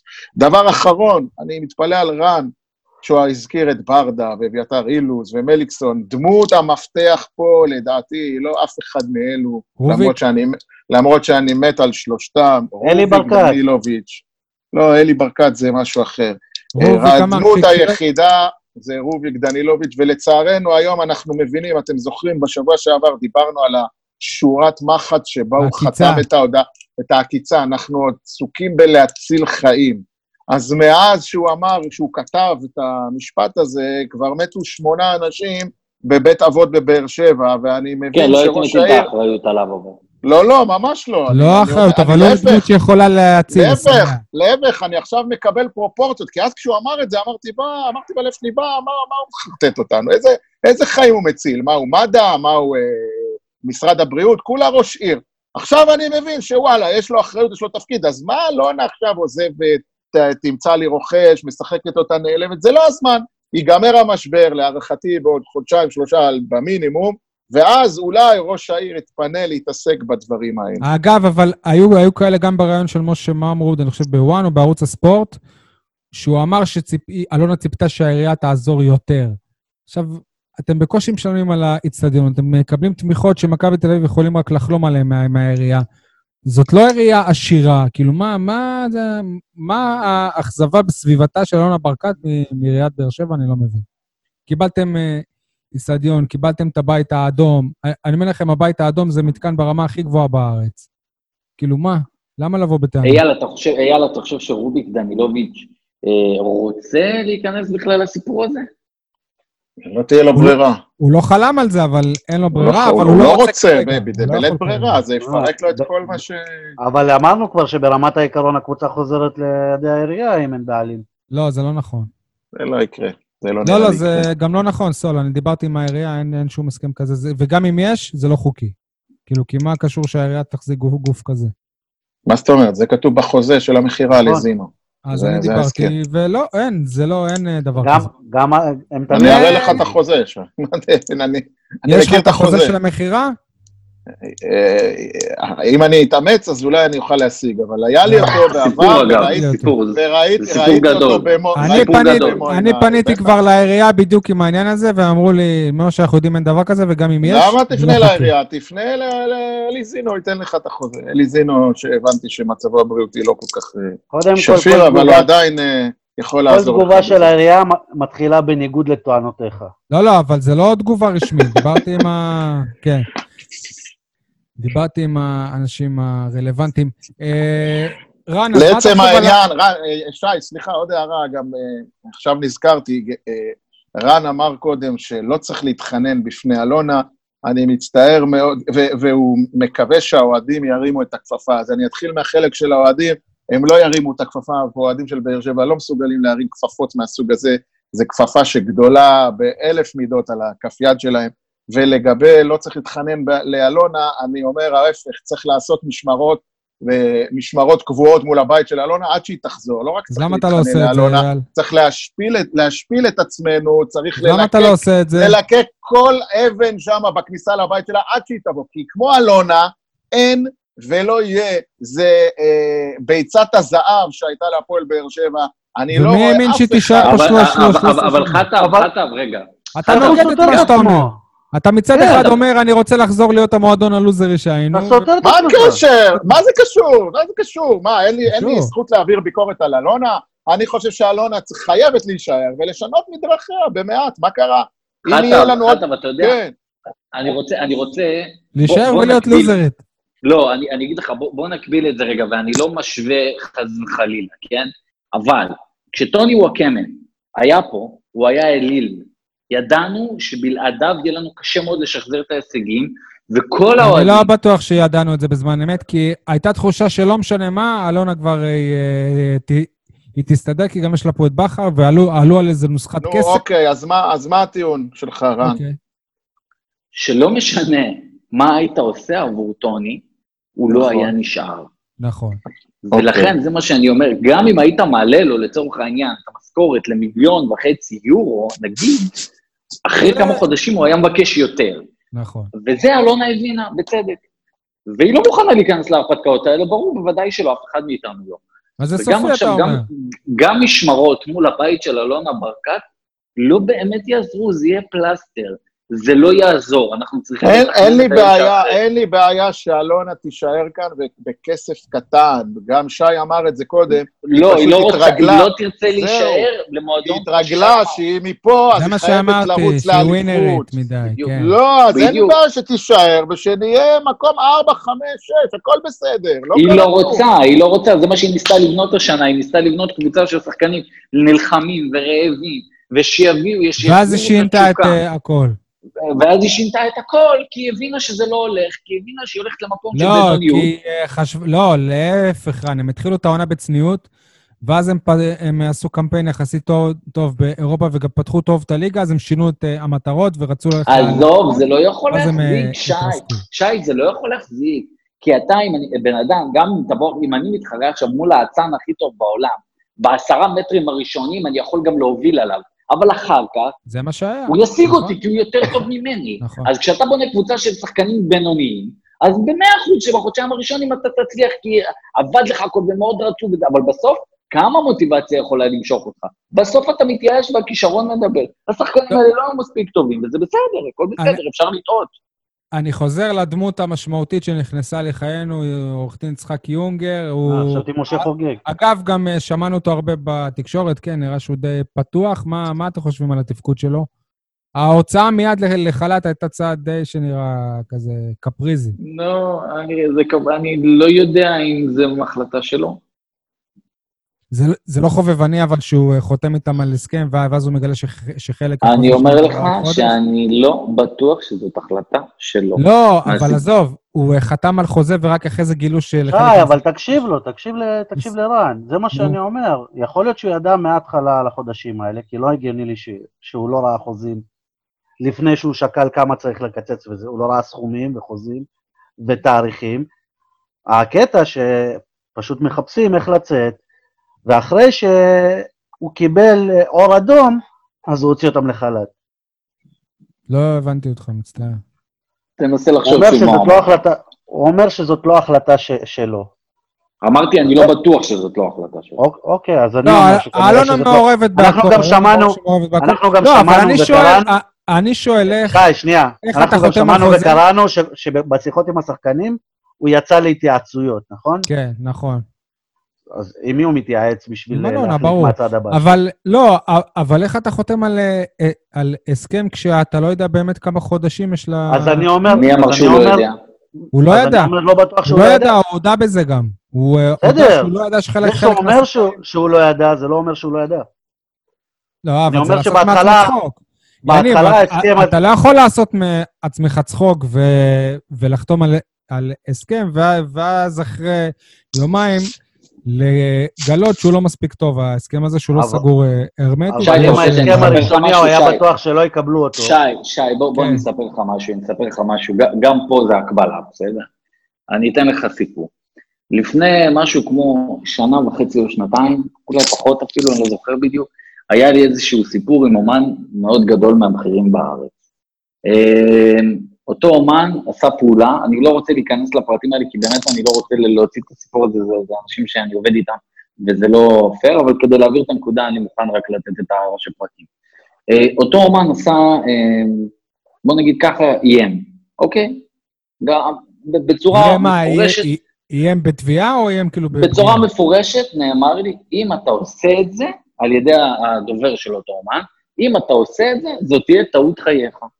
אני זוכר, הייתי בקניון ברמת אביב, ואני בטלפון ואני אומר לו, טעות חיי? סליחה, אני שומע פה איום?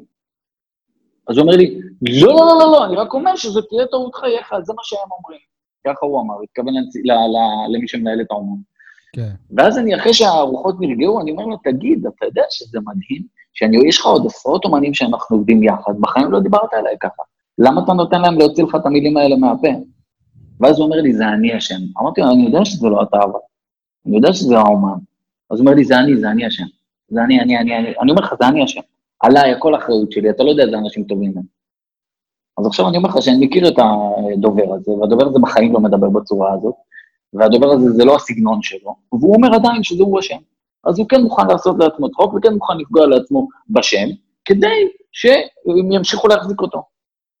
אז הנה דוגמה קלאסית, חיה אתה לזה מחזק את סול, אוקיי, סבבה. לגמרי. אני אגיד לך דבר כזה, אני חושב שבהתחלה יונגר אמר להם, אחרי שהם כבר סירבו למשהו יותר נמוך, בוא ניתן להם הצעה שהם בטוח לא יסכימו לה. אופס, הפתעה, השחקנים הסכימו ל-50, מבחינתו. אז הוא צריך לעשות עכשיו משהו אחר, הוא צריך למצוא משהו אחר. בוא ניתן עוד הצעה. אבל אתה אשכרה חושב שזה ב-60, בסטה בשוק, אה? אתה חושב ש... כל- כל זה יבטל ב-60 אם מגיעים להסכמות לפני החג, או אם מגיעים להסכמות בכלל. זה נראה ככה. אבל שוב, דווקא- אז יכול- אז יכול להיות שאנחנו טועים, אבל אני אומר- רק אומר שיש לי את ההרגשה שיונגר הוא אחלה, והוא באמת אחלה, אבל הוא לא הוא מנהל בפועל את הדברים. אני לא יודע מי, אני לא יודע מי, אבל אני לא, לא יודע אם זה הוא, לא יודע אם זה הוא. כי בסוף, בסופו של דבר, אגב, בדיוק בגלל זה, הרי בהפועל חיפה גם ניסו ללכת על אותו קונספט, ואחרי כמה ימים ה- העורך דין או רואה חשבון שמו- שמונה לנאמן, הוא אה, התפטר כי הוא אמר- כי הוא אמר שבעצם כאילו לא צריכים אותי כי יואב- כץ עושה הכל. עכשיו בוא אני אגיד לך, בוא אני אגיד לך יותר מזה. אנחנו נמצאים כאן בסוג של מערכה תדמיתית ותקשורתית, אה, שנמשכת כבר גם מאז שלמעשה הייתה ההצעה הזאת של, של אלונה ברקת לשחקנים. מי אשם? כל אחד מנסה לזרוק את הכדור על השני. אלונה ברקת, אנחנו יודעים, מחזיקה ביועץ תקשורת מהבכירים בארץ, אייל אה, שהביא אותה למצב שאלונה יועץ ברקת... אסטרטגי, אני חייב. כן, לציין. אסטרטגי. אתה יודע, זה אפילו מעבר ליוע- ליועץ תקשורת. נכון.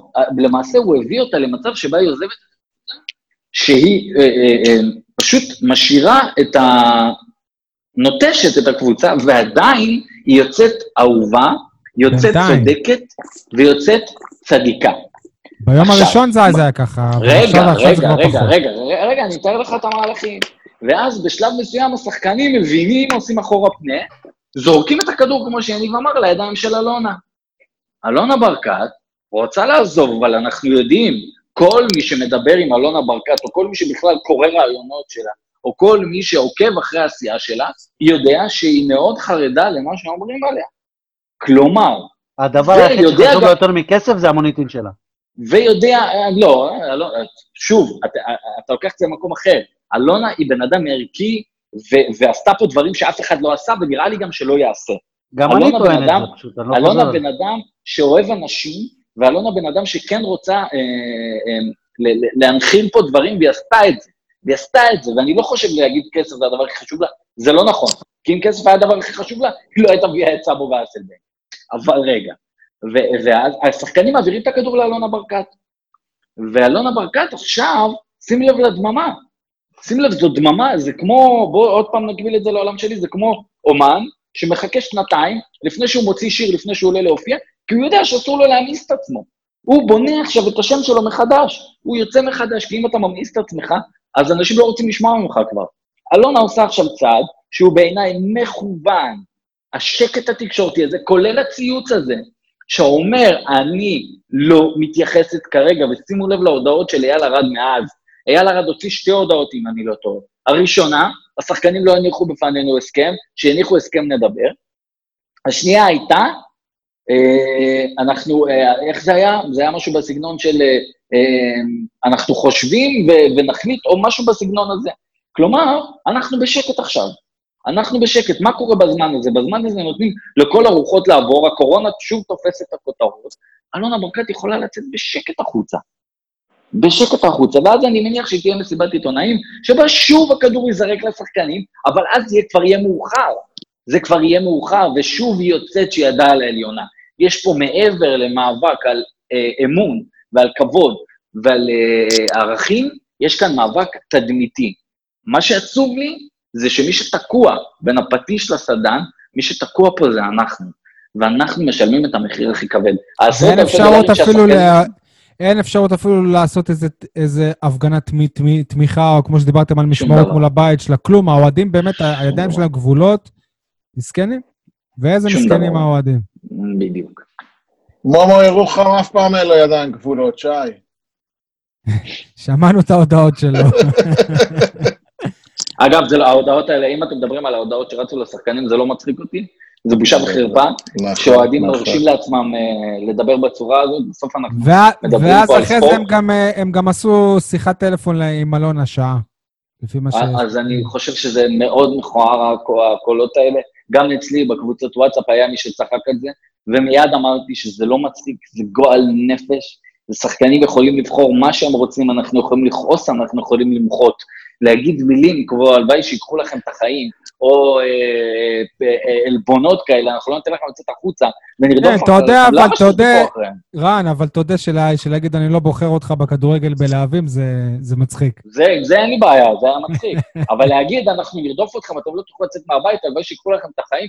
חבר'ה, חבר'ה, איך אתם רוצים להביא לכאן מישהו חזק, שהוא שומע הודעות כאלה? ואני אה, אומר באמת, זה, אה, אחת, זאת הפועל, אם זאת הפועל באר שבע הלוזרית, אז חבל לי מאוד. אז חבל לי מאוד.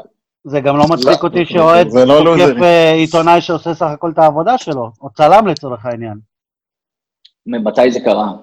כשליד הבית של אלונה. היה שם, כן, ליד הבית. אה, אני, אני, מכיר- אני דיברתי עם אותו אוהד, ואותו אוהד סיפר מה היה, והוא גם אחר כך מהר מאוד התנצל. אה, אתה יודע, זה היה מכוער, ואמרתי לאותו אוהד, זה לא היה במקום, הוא ידע שהוא צריך להתנצל והוא התנצל. אלימות לא צריכה להיות בכלל פקטור, כי אחרת לא רק שאנחנו מתנהגים כמו, לא רוצה להגיד מה, אנחנו גם אמרנו, זאת מרחיקים... מלחמה ב- תדמיתית, התדמית שלנו. בדיוק, זה התדמית, זה פה, אנחנו צריכים להראות שאלונה ברקת שמה פה את היסודות של החינוך, הערכים, הס, הספורט, האחדות, הטרנר המלא. את זה היא עשתה פה, ואת זה בואו תיקחו על מגש של כסף. אבל אם אנחנו נתחיל להתפרק ונתחיל לשלוח הודעות מכוערות ודוחות כאלה, אף אחד לא ירצה להתקרב לפה, ואתה מבריח גם אוהדים מהיציאה. כי אנשים לא אוהבים אלימות, נגמר. יש לך פה את החלק, הגרעין הקטן הזה, הקטן מאוד, כן? זה לא מאפיין שום אוהדי הפועל באר שבע, זה גרעין מגעיל, שאם הוא ישלוט כמו שהוא שלט פעם בווסרמיל, אנחנו נהיה בבעיה קשה מאוד. בבעיה קשה מאוד. בווסרמיל היית יושב, אני הייתי יושב אז, גם אז בעיתונאים, והייתי שומע איך הם מדברים, זה היה ביזיון, ולא משנה באיזה אה, ליגה אני. מזכיר לך שרק העונה, לקראת סוף דרכו של אה, ברק בכר, שחקנים לוו לרכבים באמ- באמצעות שו- אז, אז אני אומר, אז שוטרים. אנחנו... באו לאימונים ופוצצו אימונים. אתה יודע, הכי קל לבוא ולהגיד הקהל של באר שבע עבר אה, שינוי כשהכול הולך והוא בתקופת השיא של המועדון. עכשיו הוא... לא, לא, לא, לא, לא, זה לא נכון, זה לא נכון, למה? זה לא הכי נכון. קל, למה? לא, זה לא נכון, זה לא נכון, כי הקהל של הפועל באר שבע, אתה, אתה יודע, אתה שוכח דבר, אתה שוכח, באמת, ב, ב, תראה לי... אני מבחינתי, הקהל של- של- של הפועל באר שבע היה קהל אדיר גם בליגה שנייה, אבל לבוא ולהגיד הקהל השתנה בזמן ש- ש- שהקהל הזה חווה את ההצלחות הכי גדולות שלו, זו לא חוכמה. לא נכון, אבל השינוי עבר, אבל השינוי עבר מאז גיא אזורי ושהורידו אותו לכביש. משם עבר השינוי, והשינוי לא הגיע בשלוש-ארבע שנים האחרונות, ואני מזכיר לך, שאתה מגדל כאן, אני בסוף, יכול מהאליפ- להתווכח על זה. בסוף מהאליפויות האלה, אתה מגדל כאן דור של ילדים שלא בטוח שהיו באים למגרשים אה, נכון. ולטרנר, אם לא האליפויות. ואז הדור הזה הוא גדל, והוא גדל עם הערכים של אלונה. עכשיו, אם הדור הזה יסתכל, אני מודאג מאוד. ויש- אגב, אני מודאג האלה. מאוד ממה שאתה אומר, רן. למה? כי אם אה, גדל דור שלם של אוהדים עם ערכים של אלונה, אז מה הא- האוהדים האלה הם, אה, יעשו כשהמועדון הזה באמת תהיה, יהיה או, או עוד מועדון בכדורגל הישראלי ולא לא, אליפויות? אמור אבל להיות כשאתה אוהדים אוהד, של אתה מכבי אוהד. תל אביב. לא? כשאתה, כשאתה, כשאתה אוהד, אתה אוהד. אתה מקבל, תראה, אה, כשאתה מתאהב במשהו, ובטח בקבוצת כדורגל, אז אתה לא עוזב אותו. אתה, אתה, אתה, אתה מאוהב בו, וכשאתה אתה צריך לתפוס. ברגע שזה אתה יכול, נתפס, אה, ואתה ממשיך משם להתרחק, קדימה. אבל אתה יכול גם להתרחק. זה גם אתה יכול להתרחק, אז מי. שמתרחק, אז הוא, לא- מי שמתרחק, אז הוא מתרחק. והוא לא אוהד אמיתי, אבל אני אומר, בוא נגיד ש-20% מתוך ה-80 נדבקו. הוספת לשלט שכבר קיים, לעוד ה-5,000 האלה שדיברנו עליהם שהם הגרעין, הוספת עוד 20%. בוא נגיד עוד כמה שנים, יהיה לנו עוד כמה שנים מוצבות, הוספת עוד 20%. בסוף אתה תגיע לגרעין של 10,000 איש, ואז אנחנו נרחיק את ההודעות הוואטסאפ המכוערות האלה. באמת, זה, אין לזה מקום. זה, והאוהדים של הפועל באר שבע האמיתיים, אה, שי, זה אוהדים שבאים, ו- ו- ואני רואה אותם בטרנר, וזה אוהדים שאני מכיר אותם משנים, שהם היום מוחאים כפיים לשחקנים של היריבים, מוחאים כפיים אחרי הפסדים, אה, אתה יודע, מקללים, כולם מקללים, אין מה לעשות, כל עוד לא עוברים גבולות, זה בסדר, זה ספורט. אני חושב באמת שהאוהדים... אייל הזכיר פה שמות, אבל כל האוהדים האלה שבאמת הם, הם עשו פדיחה גדולה לעצמם ולאוהדי הפועל באר שבע, מכיוון שאנחנו גם מכירים אותם אישית, הם אוהדים. פשוט אה, צר לי להגיד, אבל הם שלוחים. אני לא יודע, אני לא מכיר את האנשים האלה, ונדמה לי שאני גם שמח שאני לא מכיר אותם, אה, לא בשמות ולא בפנים, אבל אה, אני אומר, אפשר, אפשר למחות, זה בסדר, זה החיים שלנו, בסוף, זה החיים שלנו. ודרכי המחאה האלה צריכ, צריכות, אתה יודע, לבוא ב, ב, ב, בשפה אחרת, ב, ב, בהתנהגות אחרת, כי בסוף, עוד פעם, זה התדמית. אתה, אתה, אתה יודע, אתה קונה, אתה, אתה קונה תדמית בסופו של דבר. השם הפועל באר שבע זה לנו אומר הרבה, יבוא איש עסקים זר מבחוץ, מה הוא רואה? הוא רואה את המראות של טרנר מלא, הוא רואה את העידוד, הוא רואה את, ה, את המנואלה, הוא רואה את האווירה, שומע את השירה. אתה, זה כרטיס ביקור שלנו עכשיו. אם אנחנו עכשיו נראה כרטיס ביקור ישן ומקומט ומכוער, מי בכלל ירצה להתקשר אליך? תראה עכשיו את הפנים, שה, שה, שה, שההצלחות האלה לא, שההתנהגות היפה לא באה רק בגלל ההצלחות, אלא היא נולדה שם עוד קצת לפני, ואתה ממשיך עם זה למסורת, אני אומר לך שאפשר לעשות פה משהו, זה, זה הפועל באר שבע, זה, זה מותג, מי שלא מבין את זה, שזה מותג, אז, אז באמת אין לו מושג, סליחה. עשו את זה היום בטרנר. בדיוק, תראה איזה תעודת זהות, איזה כרטיס. אתה יודע, שכתבתי את הציוץ הזה על תבסנים או אין כמו באר שבע, אני רוצה בכוונה על הראש של אותם אנשים, שאני אני רוצה, אתה יודע מה, בוא אני אגיד לך, אני נמצא, עובד בתל אביב, אני אה, עובד בתל אביב מגיל 21. בסדר, בבאר שבע... הכנו, הכנו שאלה לקולגה שלך וחבר בשם רז... אה, רז. אני חושב, עוד נדבר עליו. שרז, אני, אני חושב שרז הוא מאוד מקצועי, והוא עושה את העבודה שלו, והוא כותב טורים. ברור, ברור, שנייה. אנחנו נכין לך שאלה עליו. אנחנו נכין לך שאלה. בסדר, בסדר גמור. אני אומר, אני עובד בתל אביב אה, מגיל 21. בסדר? מעולם לא עבדתי עבודה יומיומית קבועה שהייתי צריך לקום בבוקר וללכת לעבודה בבאר שבע. תמיד זה היה יומיים בזמן הנגב, עוד קצת ברדיו אחרי הצבא. בסדר? והייתי מסיים את הצבא והולך לרדיו דרום. וכשאני מגיע לתל אביב כבר איזה תשע שנים, או אולי יותר אפילו, באר שבע בשבילם זה פשוט, וגם היום, כן? כן. זה בדרך לאילת. ואתה צריך להיאבק פעם אחר פעם כדי להראות מה זה באר שבע וכמה זה מיוחד. במשרד שלי, על הראש של כולם יש סעיף של הפועל באר שבע. וזה חשוב מאוד להשמיע את הקול שלנו שם במרכז. עכשיו אתה אומר לי, מה, זה אנחנו והם? התשובה היא, לצערי, כן. לצערי, כן. ה- ה- היחס שבאר שבע מקבלת, בין אם זה הפועל באר שבע או בין אם זה אה, העיר עצמה, הוא יחס של... אה, איך אני אסביר את זה? זה, זה כאילו, זה לא, זה, זה לא, זה, זה, זה חור, זה פינה לא רלוונטית, זה מקום... איזה זה תגובות לא... אתה באמת אה, מקבל על זה שאתה מחצין את היותך באר שבעי? אני יכול להגיד לך שאני מקבל בפנים שלי, אומרים לי דברים טובים, ואני שומע שהם אף אחד, אגב, גם אומרים, נחזיר אותך לבוידן, אמרו לי פעם. נחזיר אותך לבוידן בנגב, נחזיר, כן, אמרו לי, נחזיר אותך לבוידן בנגב, או אמרו, מי זה הילד הזה, נחזיר אותו לבאר שבע, בסדר, אני לא מתייחס אליהם. המטרה היא באמת, אני, זה, זה באר שבע וזה אנחנו, והתדמית שלנו היא מאוד חשובה. והתדמית שאנחנו בונים אותה כל הזמן, והאליפויות האלה עזרו לנו. אז בוא תשתף אותנו באמת, הזכרנו את השם רז שכניק, שהוא... אה, אפשר באמת להגיד שהוא אחד ה... אולי הוא הכתב תרבות מספר אחת בארץ, אני חושב שגם אתה תסכים עם זה. לא, אני, אני מסכים. קולגה שלנו, אה, והוא גם נחשב לאחד האוהדים הכי גדולים והכי מזוהים ממכבי תל אביב בברנז'ה. ספר באמת על הקשר ביניכם, כי אתם גם עובדים צמוד. נכון. פיזית, וגם הנושאים שלכם הם אה, דומים. נכון, אנחנו בסוף, אתה יודע, אה, זה, כשאתה עובד, אני וויינט והוא בידיעות אחרונות, זה משפחה אחת. וזה נקרא... לא, אבל תספר, תספר קצת על, על, על זה שהוא מכביסט ואתה אוהד של הפועל באר שבע, ואני בטוח ש, שיש ביניכם הרבה קרבות.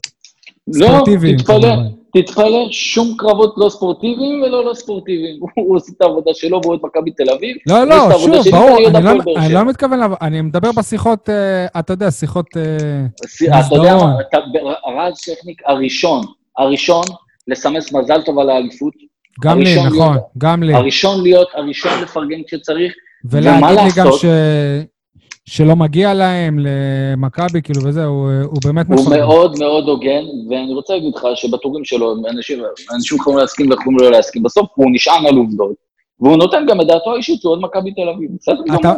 אתה מרגיש לפעמים, הרי, הרי לפעמים אתה חוטא, אני אומר, בכתיבת ספורט, וגם אתה כותב מהזווית של אוהד, אתה מרגיש לפעמים שבאמת אתה נותן לו קו, את אה, הקונטרה, כי הוא הרי פעם בשבוע כותב טור שהטור זה צהוב, כאילו... לא, לא, אני לא נותן, לא, לא נותן קונטרה לאף אחד. אני, אתה יודע, כשאני, בא לי לכתוב ונותנים לי, ונותנים לי את הבמה, אז אני שמח, כשלא נותנים לי, אז לא נותנים לי, וכשלא בא לי, אז לא בא לי, אני לא נותן קונטרה לאף אחד.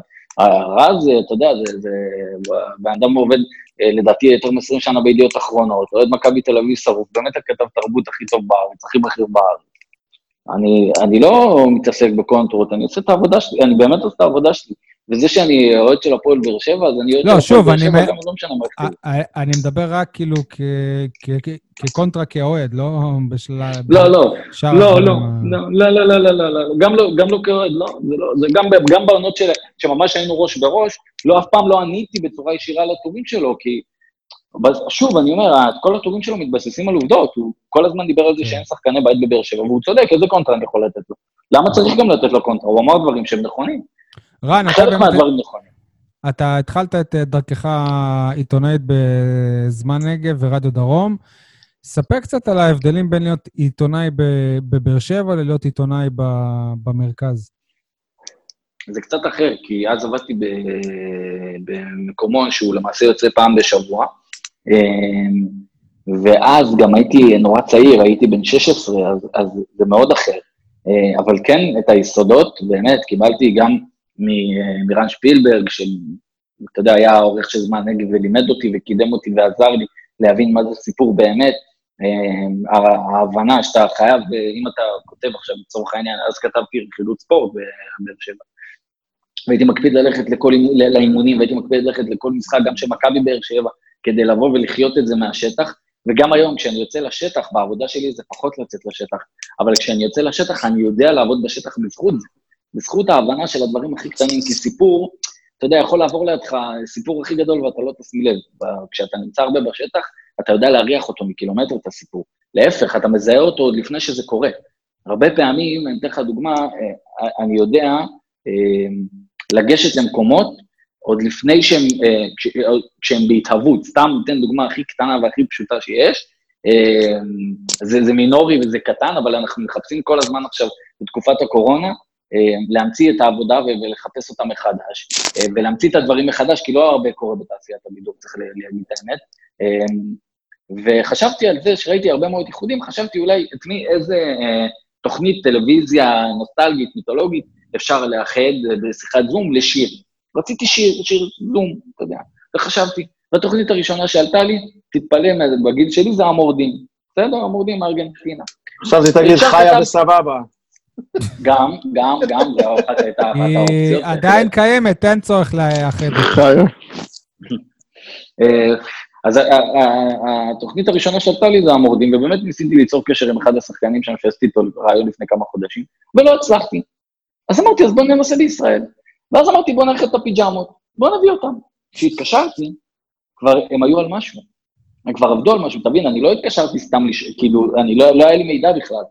אז ההבנה הזאת של להריח מה, מה קורה ואיך אה, זה, בן שלי יעוף. על זה, אם אני אגיד לו עכשיו שהפתרון... כן, אבל הם מתאחדים, לס- הם מתאחדים, ל- הם עושים איזשהו מערכון אחד, הציעו להם, אה, הציעו להם לעשות אה, פרק איחוד והם פחות בעניין עכשיו. אבל שוב, זה, זה הערכים, זה לא ערכים, זה, זה חוש ריח, שקיבלתי אותו מהשטח מזמן הנגב, מהמם. באמת. כן. זה- אתה יודע, זה דברים שאי אפשר, זה לא עכשיו שאתה בא מ... מ אני לא יודע מה, שאתה בא מה... כאילו, מהקטן מלמטה, אז אתה, אתה כן מעריך כל דבר, ואתה כן יודע אה, לא לקחת כמובן מאליו, וכן לשרוף את השטח, וכן לעבוד קשה, וכן לא לפחד מעבודה קשה. וגם, לא, לא, אני, לא, אני בעבודה שלי אין לי בעיה להיכנס באומנים, וכשמגיע, ולפרגן כשצריך.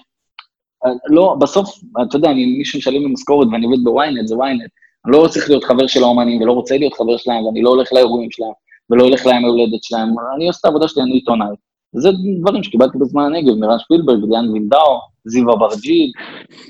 יפה. אה, אני רוצה שנייה לחזור לכדורגל האקטואליה להפועל באר שבע. אה, נדב צנציפר, הוא אה, פרסם היום שיוסי... דיברנו, על- דיברנו על רז, אה, כתב תרבות הכי בכיר, לדעתי כן. נדב צאנציפר עיתונאי הספורט הכי טוב בארץ.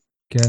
אה, אז הוא פרסם שאבוקסיס אה, הוא המועמד המ- המ- המוביל לאימון נבחרת ישראל כבר בזמן הקרוב, כי אנדי הרצוג כנראה מסיים את תפקידו. מה אתה אומר על זה? וחברים, גם מה אתם אומרים על זה? אני אומר שבאתר המקביל פרסמו על קלינגר גם. לא, גם נדב כתב על קלינגר, שקלינגר חרוגו אחת האופציות. אבל מה, אבל מה אתה חושב על זה, ש, שבאמת הרומן עם אה, אבוקסיס והפועל באר שבע יהיה מאוד זהיר? איפה? אני סליחה, מה- למה ברק בכר לא מועמד? מה קרה לבכר? עד אז, לפני אה, חודשיים הוא היה המועמד הבכיר. ההסבר לפי הכתבה ש... הוא עסוק בהכנת משלוחים? אה, לא, שסגנון המשחק של יוסי אבוקסיס יותר מתאים לנבחרת, וגם השכר שלו יהיה הרבה יותר נמוך. אבל בסדר, לא, לא זה הדיון. אבל באמת, רן, אתה רואה סיכוי שאב, שאבוקסיס כבר עוזב את הפועל באר שבע? אני, אני חושב שאם לא היה את הסיפור הזה עם אלונה, זה לא היה רלוונטי בכלל. אני גם חושב, לדעתי, לדעתי זה באמת יכול לקרות, שהוא יעזוב. אני חושב שדווקא שזה, יוסי יעשה טעות, אמ, כי הקבוצה שתהיה להפועל באר שבע זאת קבוצה שהיא בדיוק אה, לנעליים של יוסי אבוקסיס, כמו בול, בבני יהודה. נכון, נכון. כן, אבל זה איזה מאמן קהל. ישראלי אומר לא לנבחרת? אני לא יודע, אני ראיתי עד עכשיו מאמנים ישראלים בכר. שרק נכשלים בנבחרת. בכר עדיין לא אמר לא לנבחרת. אמר בעבר. אה, אמר, היה כן, מועמד כבר. נכון, היה... כן. אני, אני אומר, אני רואה מאמנים ישראלים שרק נכשלים בנבחרת, אני לא רואה מאמנים שמצליחים. לא ראיתי שמישהו הלך לנבחרת ואז יצא לאנגליה, אה, להוציא את אברהם גרנד. לא ראיתי שאברהם גרנד זה אחד. ראיתי שהם רק נכשלים ואז הם חוזרים לליגה. אז אולי עדיף להשתפשף עוד קצת. כי יוסי אבוקסיס באמת, יש לו, ב- עשה בבני יהודה ובבני סכנין דברים מדהימים. ושם זה קבוצות עם קצת פחות קהל משלנו, ופה אתה יכול, עם שלד מאוד בינוני, אה, שאין עליך ציפיות, בניגוד לעונה הזאת, לבוא ואין לך מה להפסיד. ואני חושב שיוסי, באמת, אם אנחנו מדברים על, על העונה הבאה וזה, הוא יכול מאוד להתאים לתקופה הזאת. ולך תדע, אולי אלונה ברקת תגיע אותו, כי היא ידעה שהיא הולכת פשוט לקבוצה רזה. אני לא יודע. שי, אולי דבר עם וסרמיליה, שעשו קמפיין קלינגר לנבחרת.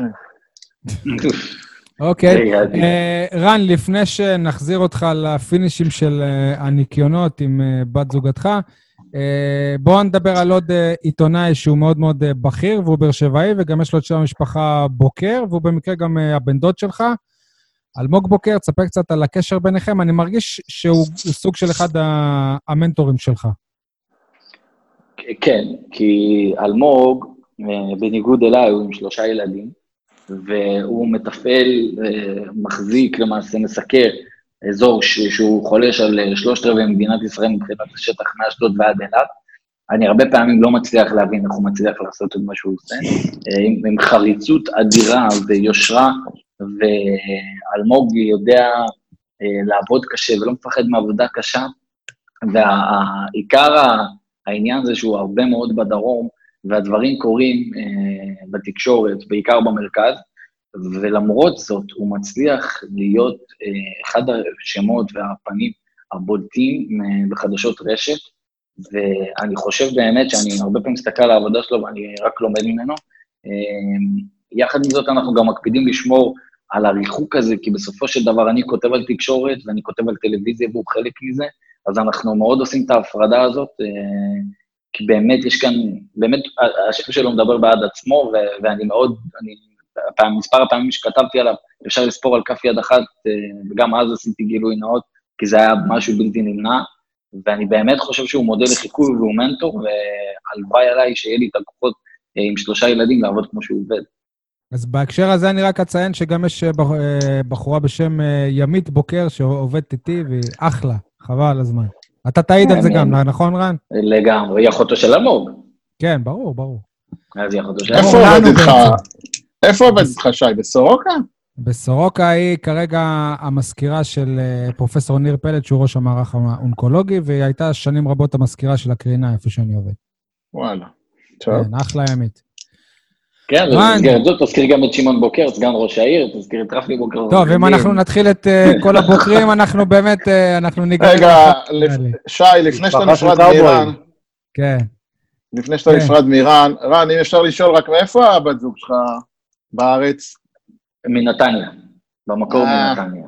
אתה רואה, גם אתה לא איי, הלכת על. שחקנית בית. לא, לא אהבתי את השחקנים. אמרתי לך, אני כמעט, אני את רוב- את החיים הבוגרים שלי עשיתי, עשיתי במרכז. זה שהקפדתי להגיע לבאר שבע, לגור בבאר שבע, זה, שילמתי על זה מחיר אישי מאוד כבד, כי בסוף אתה לא חי בבאר שבע, ואתה לא חי במרכז גם. רן, הייתי אנחנו שבע. אנחנו נכון. מאחלים לך- אנחנו מאחלים לך לחתום על חוזה ארוך טווח עם הנתניאתית. תודה רבה לך, באמת אה, שמחנו. תצליח ותעשה כבוד חי. גדול, תודה רבה. תודה רבה.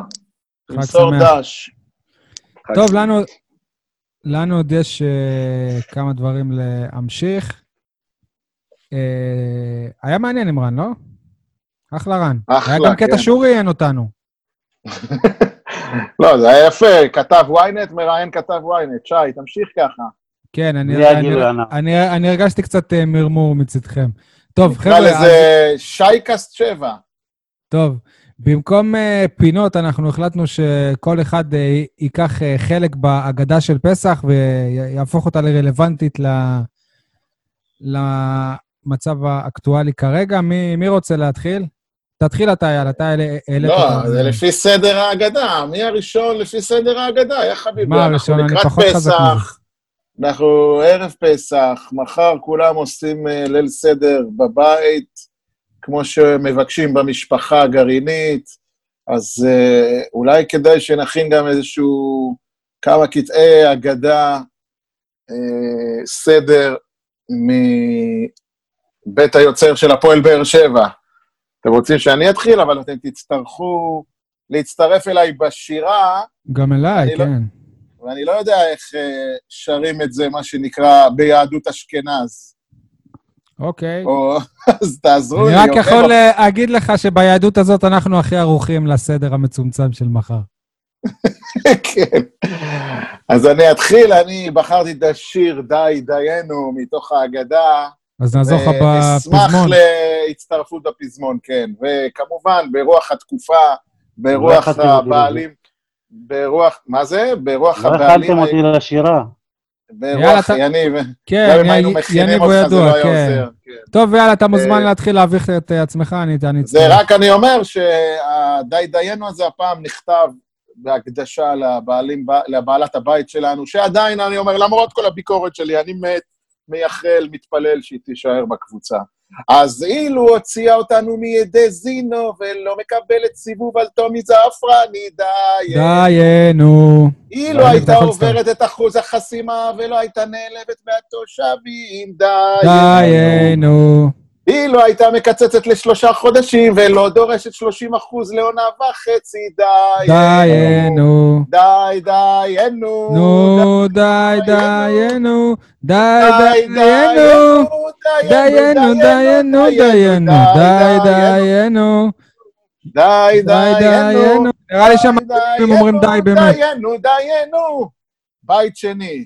אילו הייתה מביאה בלאומית מאמן התקפי ולא מפטרת את מרקו בטלפון, די. דיינו. אילו הייתה מחכה קצת עם אלישע ולא זורקת אותו לפני גמר גביע. דיינו.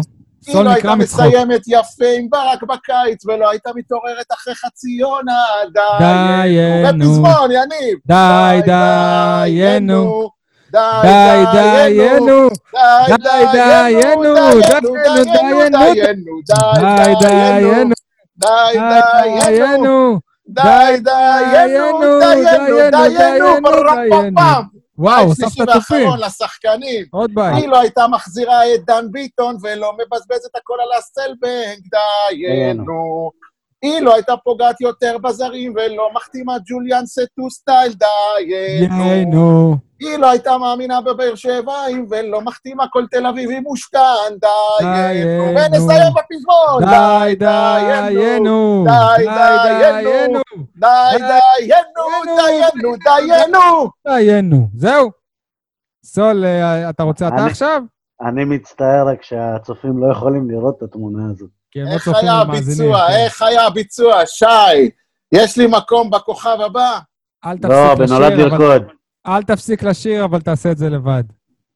טוב, עכשיו תורי או שסול? קדימה, שי. טוב, אז אני הלכתי על אה, אמן השתנה. אתם אה, מוזמנים גם אה, לשיר איתי. מה נשתנה הלילה הזה מכל הלילות? מכל הלילות. עכשיו תנו לי. שבכל הלילות אנו חושבים על צמרת הטבלה, צמרת הטבלה. הלילה זה, הלילה זה, כולנו. בבהלה. הלילה זה, הלילה זה, כולנו בב- בבהלה. שבכל הלילות אנו אוכלים שחקנים מקבוצות אחרות, שחקנים. מקבוצות אחרות. הלילה זה, הלילה הלילה זה, כולנו. עזיבות. עוד. הלילה זה, הלילה זה. כולו עזיבות. שבכל. הלילות איננו מתחננים שתישאר אפילו פעם אחת. אפילו פעם אחת. הלילה זה, הלילה זה שתי פעמים. הלילה זה, הלילה זה שתי פעמים. שבכל הלילות אה. אנו אוכלים בין יושבין ובין מסובין. בין יושבין ובין מסובין. הלילה זה, הלילה זה. כולנו יושבים וחושבים על העורך דין, הלילה זה, הלילה זה. כולנו יושבים וחושבים על העורך דין. יפה. מאוד. שי, אתה קיבלת מבחינתי את תו התקן לנהל את הסדר מחר במשפחת מוגילבסקי. אתם. ויתרתם על מעגל המרמורים, הכ- הכנסתם שני שירים. יאללה, סול, שוט. טוב, אז אני כמובן הלכתי על ארבעת הבנים. כנגד ארבעה בנים דיברה התורה, אחד חכם, אחד רשע, ואחד תם, ואחד אחד שאינו יודע לשאול. ואחד זה שלא חתם כשאלונה אמרה לו. בעצם זה אוקיי. 20, לא אחד. אז האחד חכם זה ברק בכר שעזב, או הוא עזב מזמן, ובזמן, ש... ובזמן שכולם מאבדים את העבודה, הוא בלי עבודה מקבל שכר, ולא ידבק בו כל הרפש הזה שיוצא עכשיו החוצה.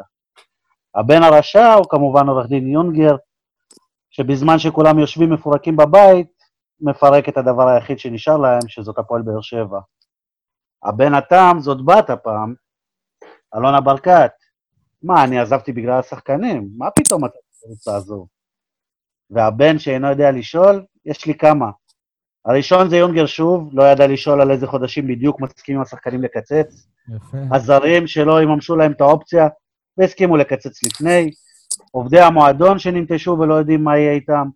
אבל הכי הרבה, הבנים שלא ידעו לשאול הם אוהדי הפועל באר שבע, שלא יודעים לשאול כמה זיכוי הם צריכים לקבל על המנוי שלא השתמשו בו עדיין. זאת במידה ואלונה לא נשארת כמובן. יפה, סול. מקסים, חתמת- יפה, חייכתי. חתמת לנו את האגדה. אגב, אחלה. קיבלתי פה ביקורת מאשתי שאני לא יודע לשיר. באמת, אתה לא, לא, לא רציתי להגיד את זה בשידור, אבל אם כבר אתה אומר. כל קשר בינך לבין אה, מה נשתנה, מקרי בהחלט. אייל, אה, אתה רוצה בסוף לעשות שיר? כי אני הכנתי את השיר ש... שרצית. אתה רוצה אותו? או ברור, מה זאת? אומרת? כן? אני... אז נשים בשמחה, אותו כן. עכשיו, ואחרי זה גם הוא, נמשיך. גם הוא מוקדש לאלונה ברקת, אנחנו אני כבר שם. כמובן, פרק שני רצוף כמעט, שאנחנו עוסקים בהחלטה של אלונה לעזוב או להישאר, ומי שמכיר את להקת הקלאש, שנות ה-80, ההחלטה זה. מ- משורש אני חל"ת? קורא להם שנות השמנים. אה, אחד השירים המפורסמים שלהם, דרך אגב. אה, שיר מטורף, רק לחשוב מה עובר בראש כרגע של אלונה. should I stay or should I go?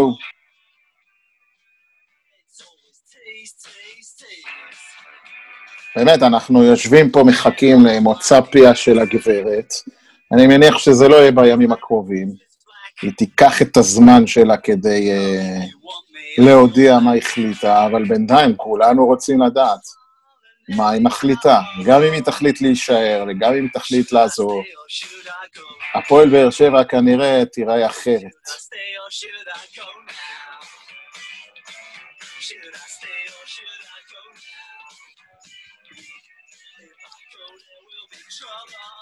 If I go, it will be trouble.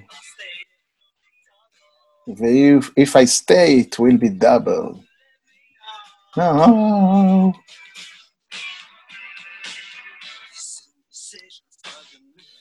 אלה היו הקלאש. אגב, אני חשבתי בהקשר הזה על אה, שני שירים ישראלים, על שני שורות. יש את אה, ארכדי דוכן, אני, אני אנסה לח- לחקות אותו, יש אה, שורה אחת בשיר שלו. עוזבת, לא עוזבת, הפחד משתלט. זה אחד. יופי שי, כן. ויש את אה, אה, אברהם טל, אם את הולכת, אם את עוזבת, שיגמר יומך בטוב. ויש את אייל גולן, תחזרי, אין עם מי לדבר פה. אין לי כן. מי את החיים שלי. אוקיי, בסדר, אז יש לנו שירים לעוד כמה פרקים גם. טוב, אה, גם לרגל פסח, דבר אחרון שהכנו, אה, כל אחד יספר איזה סיפור על אה, משחק שנערך בפסח של אה, הפועל באר שבע. אתה רוצה להתחיל, סול? יאללה. סע. טוב, אז המשחק הוא בעונת 2014-2015, בדיוק לפני שנה, פחות יום, השישי לרביעי, מול מכבי... תל אביב. 2014, איך לפני שנה? אמרתי לפני שנה? אמרתי בשנה. או, אוקיי, לא משנה.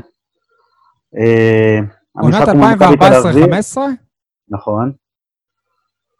אה, זה יוצא שזה היה המחזור ה-28 בבלומפילד.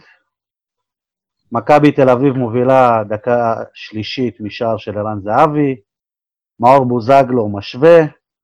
אגב, השער של ערן זהבי זה יותר השער של אופיר דוד זאדה. ואז טל בן חיים אה, דקה 80 כובש עוד אחד, וערן זהבי דקה 83. 3-1 למכבי תל אביב בסוף. עד הרגע הזה חשבנו שאולי אפשר באמת לעשות משהו. באותו יום כתבתי אה, פוסט בפייסבוק, שבאר שבע נראתה טוב היום, עד, שהחליט, עד שאלישע החליט להתערב. למרות הכל אני גאה להיות באר שבעי. אולי בעונה הבאה ניקח אליפות, העונה נסתפק בגביע. אז גביע לא היה, אבל האליפות הייתה. וואו. אני אמשיך בסיפור כי זה כנראה היה שבוע אחרי זה, ב-19 באפריל 2014, זה עדיין היה פסח, אה, משחק חוץ של הפועל באר שבע נגד אה, מכבי חיפה באצטדיון בנתניה. כנראה היה רדיוס למכבי חיפה, אם אני לא טועה.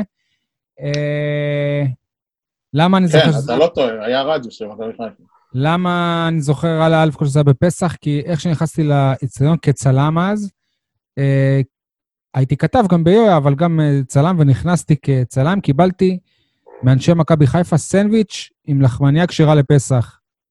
והייתי בשוק, כאילו, כי אני רגיל לא לקבל כלום מאף אה, אף, קבוצה, בטח ובטח שלא מהפועל באר שבע. איך קונים אותך באוכל, איך, איך?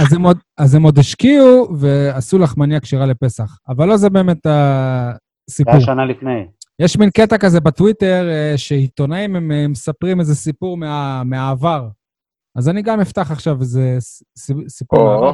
הפועל באר שבע הפסידה 2-1 במשחק הזה, בו- בוזגלו כבש את השער לבאר שבע. זה המשחק שהרבה זוכרים אותו, המשחק שאלישע לוי שם את אה, יוני אוזן כקשר אחורי, ובעצם גמר לו את הקריירה בהפועל באר שבע, ככה אני חושב. אה, נדיר בעונה הזאת, אה, והוחלף בדקה 57 על ידי תומר סוויסה. מנסר הפך לניסר. ביציאה מהאיצטדיון בנתניה, אני פגשתי את אה, סיראז', דיברנו, הוא היה, הוא היה מאוכזב מאוד, ואמר לי, תשמע, שי, לא משנה, זהו, נמאס לי, אני, אני, לא, אני לא נשאר פה בעונה הבאה, אני רוצה להיות שחקן אה, הר, הרכב, ודי, אה, אני לא יכול יותר, אני לא נשאר. והיה לו חוזה עוד לעונה הבאה, אם אני לא טועה. ואני אמרתי טוב, אז אני ארשום, הוא אמר לי, בסדר, אתה יודע, תרשום לא, לא אני, אבל מקורבים ובסביבתו וכאלה. כן, אה, מה, אייל, מה? יש לך שוטטים מאחורי.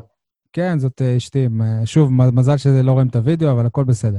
בקיצור, אה, אז אה, החלטתי עם אה, סיראז' נס- נ- נסאר שאני מפרסם, ואני זוכר שכבר אה, בדרך גם אייל היה... אסן שבע. ביויה אני אה, דיברתי אז עם אייל, אה, ואמרנו, כן, אנחנו נפרסם מחר שמקורב, שבסביבתו של נסר מאוכזבים מאוד, והוא אה, רוצה לעזוב. פרסמנו את זה בבוקר, ממש אה, על הבוקר, ואז אחרי כמה שעות בוואלה פור, פור, פורסם צ, אה, ציטוט של אה, סיראז' נסאר, אני רוצה לעזוב את אה, הפועל באר שבע.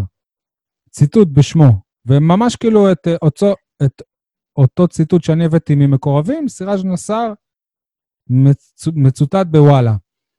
וסיראז' נסאר היה אחרי זה עצבני מאוד, הוא גם פרסם איזה סטטוס בפייסבוק, שלא להאמין למה שרושמים העיתונאים וכל מיני כאלה. ואז הוא גם דיבר איתי ואמר לי שהוא, שהוא מאוד כועס ופגוע והוא לא ידבר איתי יותר, אז אני אמרתי לו, למה? אז הוא אומר לי, מה, אתה הלכת לאיציק יצחקי, הכתב של וואלה, ו... וסיפרת לו שאני אמרתי לך את זה. אני אומר לו, מה? אני בחיים לא דיברתי עם איציק יצחקי. ונכון לראה, לאותה נקודת זמן, זה באמת בחיים לא פגשתי את האיש, לא דיברתי איתו, לא היה לי את אה, המספר טלפון שלו, והוכחתי את זה לסיראז' נסאר, ואז הוא אמר לי, טוב, אז אני מצטער, אז הוא עבד עליי, הוא פה, הוא, הוא פה, שם. אה, אז זהו, זה הסיפור ש... ומאז הלכה הקריירה של סיראז' ודעכה עד הוא ש... נשאר בסופו של דבר עוד אה, עונה אחת, ואז הוא עזב. לפני, רגע לפני הפריצה הבאמת גדולה. איי, איי, איי. טוב, אז אני אבל- אסיים. אבל אני גם, זה הרתיח אותי שכתב אה, משתמש בשם שלי ואומר שאני אמרתי לו, וכאילו... הכל בסדר. אל תהיה כן, אל תהיה הרתיח בטוח. אותי שלא ראית את הכותרת האמיתית מכל הסיפור הזה. והיא? אתה כל פעם נתת סיראז' היה עצבני, סיראז' היה זה, מה הבעיה לכתוב סיראז' ניסר? שעוד ניסר? אה, יפה. שי, נסר, נסער, הבנתי, הבנתי. שי, טוב. שעת לילה מאוחרת. אני אסיים במשחק מהעבר הרחוק, שאני מזיכרוני לא עוזב אותי. אה, אף פעם, כל פעם שאנחנו פוגשים את הפועל תל אביב, ובטח ובטח במפעל הגביע, המשחק הזה עולה לי בזיכרונות משנת 84. בני כמה הייתם בשנת 84? שנה שנה. וחצי כנראה. שנה. אז בשנת 84 זה, אני לא אגיד, זה אחד המשחקים הראשונים שלי באיצטדיון וסרמיל, אז לא קראו לו וסרמיל, אלא האיצטדיון העירוני, אבל בוודאי אה, אחד, אחד המשחקים הראשונים שאני זוכר, משחק גביע, רבע גמר גביע המדינה, עונת 83-84, באותה עונה אנחנו הגענו עד לגמר, אם אתם זוכרים, הפסדנו להפועל לוד. א- איך נזכור? איך? אה, את- לא, אם אתם לא, זוכרים מהכתבות אליהו החמיץ שכתבתם. פנדל. רפי אליהו החמיץ פנדל. אז אני רוצה להגיד לכם שברבע הגמר, אז היה משחק, לא היה משחק כפול, אבל היה מין אה, החלטה כזאת, אה, הוראה, שאם אה, משחק נגמר בתיקו, המשחק הראשון נגמר בתיקו, אז לא, לא עושים פנדלים, אלא עושים משחק חוזר בבית של היריבה. ואנחנו יפה. עשינו 2-2 במשחק הראשון בבלומפילד, וכעבור אה, עשרה ימים, משחק, הגו, המשחק הגומלין כביכול בבאר שבע, בפסח, בחול המועד פסח, אני זוכר, הלכתי עם אבא שלי, אתה זוכר הכניסה- תן לי בדיוק לסיים. ינקתי. אני רק רוצה לתאר לכם את איצטדיון וסרמיל באותם ימים. אתם לא מכירים את וסרמיל לפני, אתם מכירים את וסרמיל מהשנים האחרונות, אבל וסרמיל פעם לא היו כיסאות, ואף לא בכל מקום היו טריבונות בטון. האיצטדיון היה כמעט מפוצץ, עשרת אלפים, 12 אלף צופים, זה אומנם נשמע מעט יחסית לתכולתו אז, אבל זה היה חגורת אדם, בטח כי אנשים ישבו על החול, על... אה, על לגבעות. על הגבעות, כן, ואז זה נראה, וואו, כאילו, כמה אנשים יש פה. בכל מקרה, זה היה משחק, באמת, מבחינת כדורגל, חבל לכם על הזמן, אתם לא מתארים לעצמכם. עזבו את הפועל באר שבע שנתנה הצגת כדורגל, הפועל תל אביב, אז אם אני לא טועה, רצה לאליפות או משהו כזה, וכמה הפסידה? שם... נו, אז מה, למה מכבי תל אביב הפסידה היא- לאום אל-פחם? הייתה בגמר, אבל מה מה הקשר? מי, מי, מי הייתה בגמר? אתה דיברת על זה שעלינו בגמר באותה שנה, לא? כן, כן, אנחנו ניצחנו בגומלין, ניצחנו, בפנדלים. בפנדלים, ניצחנו 4-3 בפנדלים, בהפועל תל אביב אז שיחקו משה סיני, מורי ז'אנו וכולי וכולי. אנחנו, אה, אה, הפועל תל אביב גם הובילה 1-0, היה 1-1, אחר כך... מי כבשו, אתה זוכר? רגע, אחר כך אני רק אגיד את סדר השערים, 1-0 להפועל תל אביב, 1-1, דקה 75, הערכה, הפועל תל אביב מובילה 2-1, באר שבע משווה לי 2-2, ואז הולכים לפנדלים, משחק מטורף, אני אומר לכם, אני, זיכרונות ילדות שלי, כל רגע מצב, ומהלכים, וקהל שואג, וכל זה בחול המועד פסח, אני לא אשכח את זה. אה, לבאר שבע השקיעו הרצל פיטוסי ורפי אליהו בדקה 110, שלום אביטן שני בישולים. אה, סליחה, סליחה, סליחה, סליחה, אני מתקן, זה המשחק הראשון, הרצל פיטוסי ורפי אליהו. אה, במשחק הגומלין, זה שאני מדבר עליו, זה אלי אוזן והרצל פיטוסי. הרצל פיטוסי הבקיע גם פה. אה, להפועל תל אביב. שמעתי את השם הזה, אני חייב לציין. עצוב לשמוע, הגיע לנו ממכבי פתח תקווה, אה, שחקן רכש. אה, להפועל תל אביב הבקיעו מוריס ז'אנו, שהיה גם אצלנו, ודוב רמלר, שגם הוא היה אצלנו, וכעבור שנה אפילו השאיר אותנו בליגה. רפי אליהו וחיים בן שנן ישבו. בסוף המשחק, בסוף, אה, בפנדלים הבקיעו לנו, גיל, הבקיעו לנו שלום אביטן, הרצל פיטוסי שוב, אורי בנימין ושוב אלי אוזן. בסיום המשחק, וזה הזיכרון ילדות שלי, תחשבו מה קורה בסוף משחק רבע גמר היום, השופטים אה, מסיימים, הקהל הולך הביתה, השחקנים הולכים. בסיום המשחק, ככה כתוב לי בארכיון, בסיום המשחק פרצו אלפי אוהדי הפועל באר שבע לכר הדשא וחגגו עם השחקנים, כאילו שאנחנו כבר זכינו בגביע.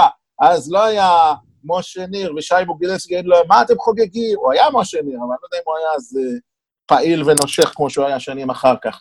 אה, זה זיכרון ילדות שאיך את פרצנו הבר לדשא. שיפסול את הגול הזה. איך פרצנו לדשא והרמנו את השחקנים, כולה זה שעלינו לחצי גמר גביע, תקשיבו, זה, זה אירוע שלא קרה עד אז הרבה פעמים שבאר שבע עולה לחצי גמר. Uh, בחצי גמר, אני לא אדבר הרבה על החצי גמר הזה, אבל אם יש משחק אי פעם שיכתבו ספר, עשרת המשחקים הכי גדולים של הפועל באר שבע, המשחק בחצי גמר שניצחנו את נתניה בבלומפילד 2-0, זה היה משחק שייכנס לעשרת הגדולים בוודאות. נדבר עליו ב- 2-0. נדבר עליו בפרק ספיישל שנעשה. על המשחקים הלוואי. הגדולים. חשבתי על טוב. עוד משמעות מהזיכרון הזה שלך, אייל. כן, יניבוש. זה שם אותך בקבוצת סיכון. אה, מצחיק. אני על הגבול, אני על הקצה. טוב, חברים, אה, וואלה, היה נחמד הזום הזה. חג שמח לכולם, חג שמח לכולם, תהנו. ונשתמע ב... בעתיד, בקרוב, מתישהו. שנהיה בריאים כולם. חג שמח. ביי.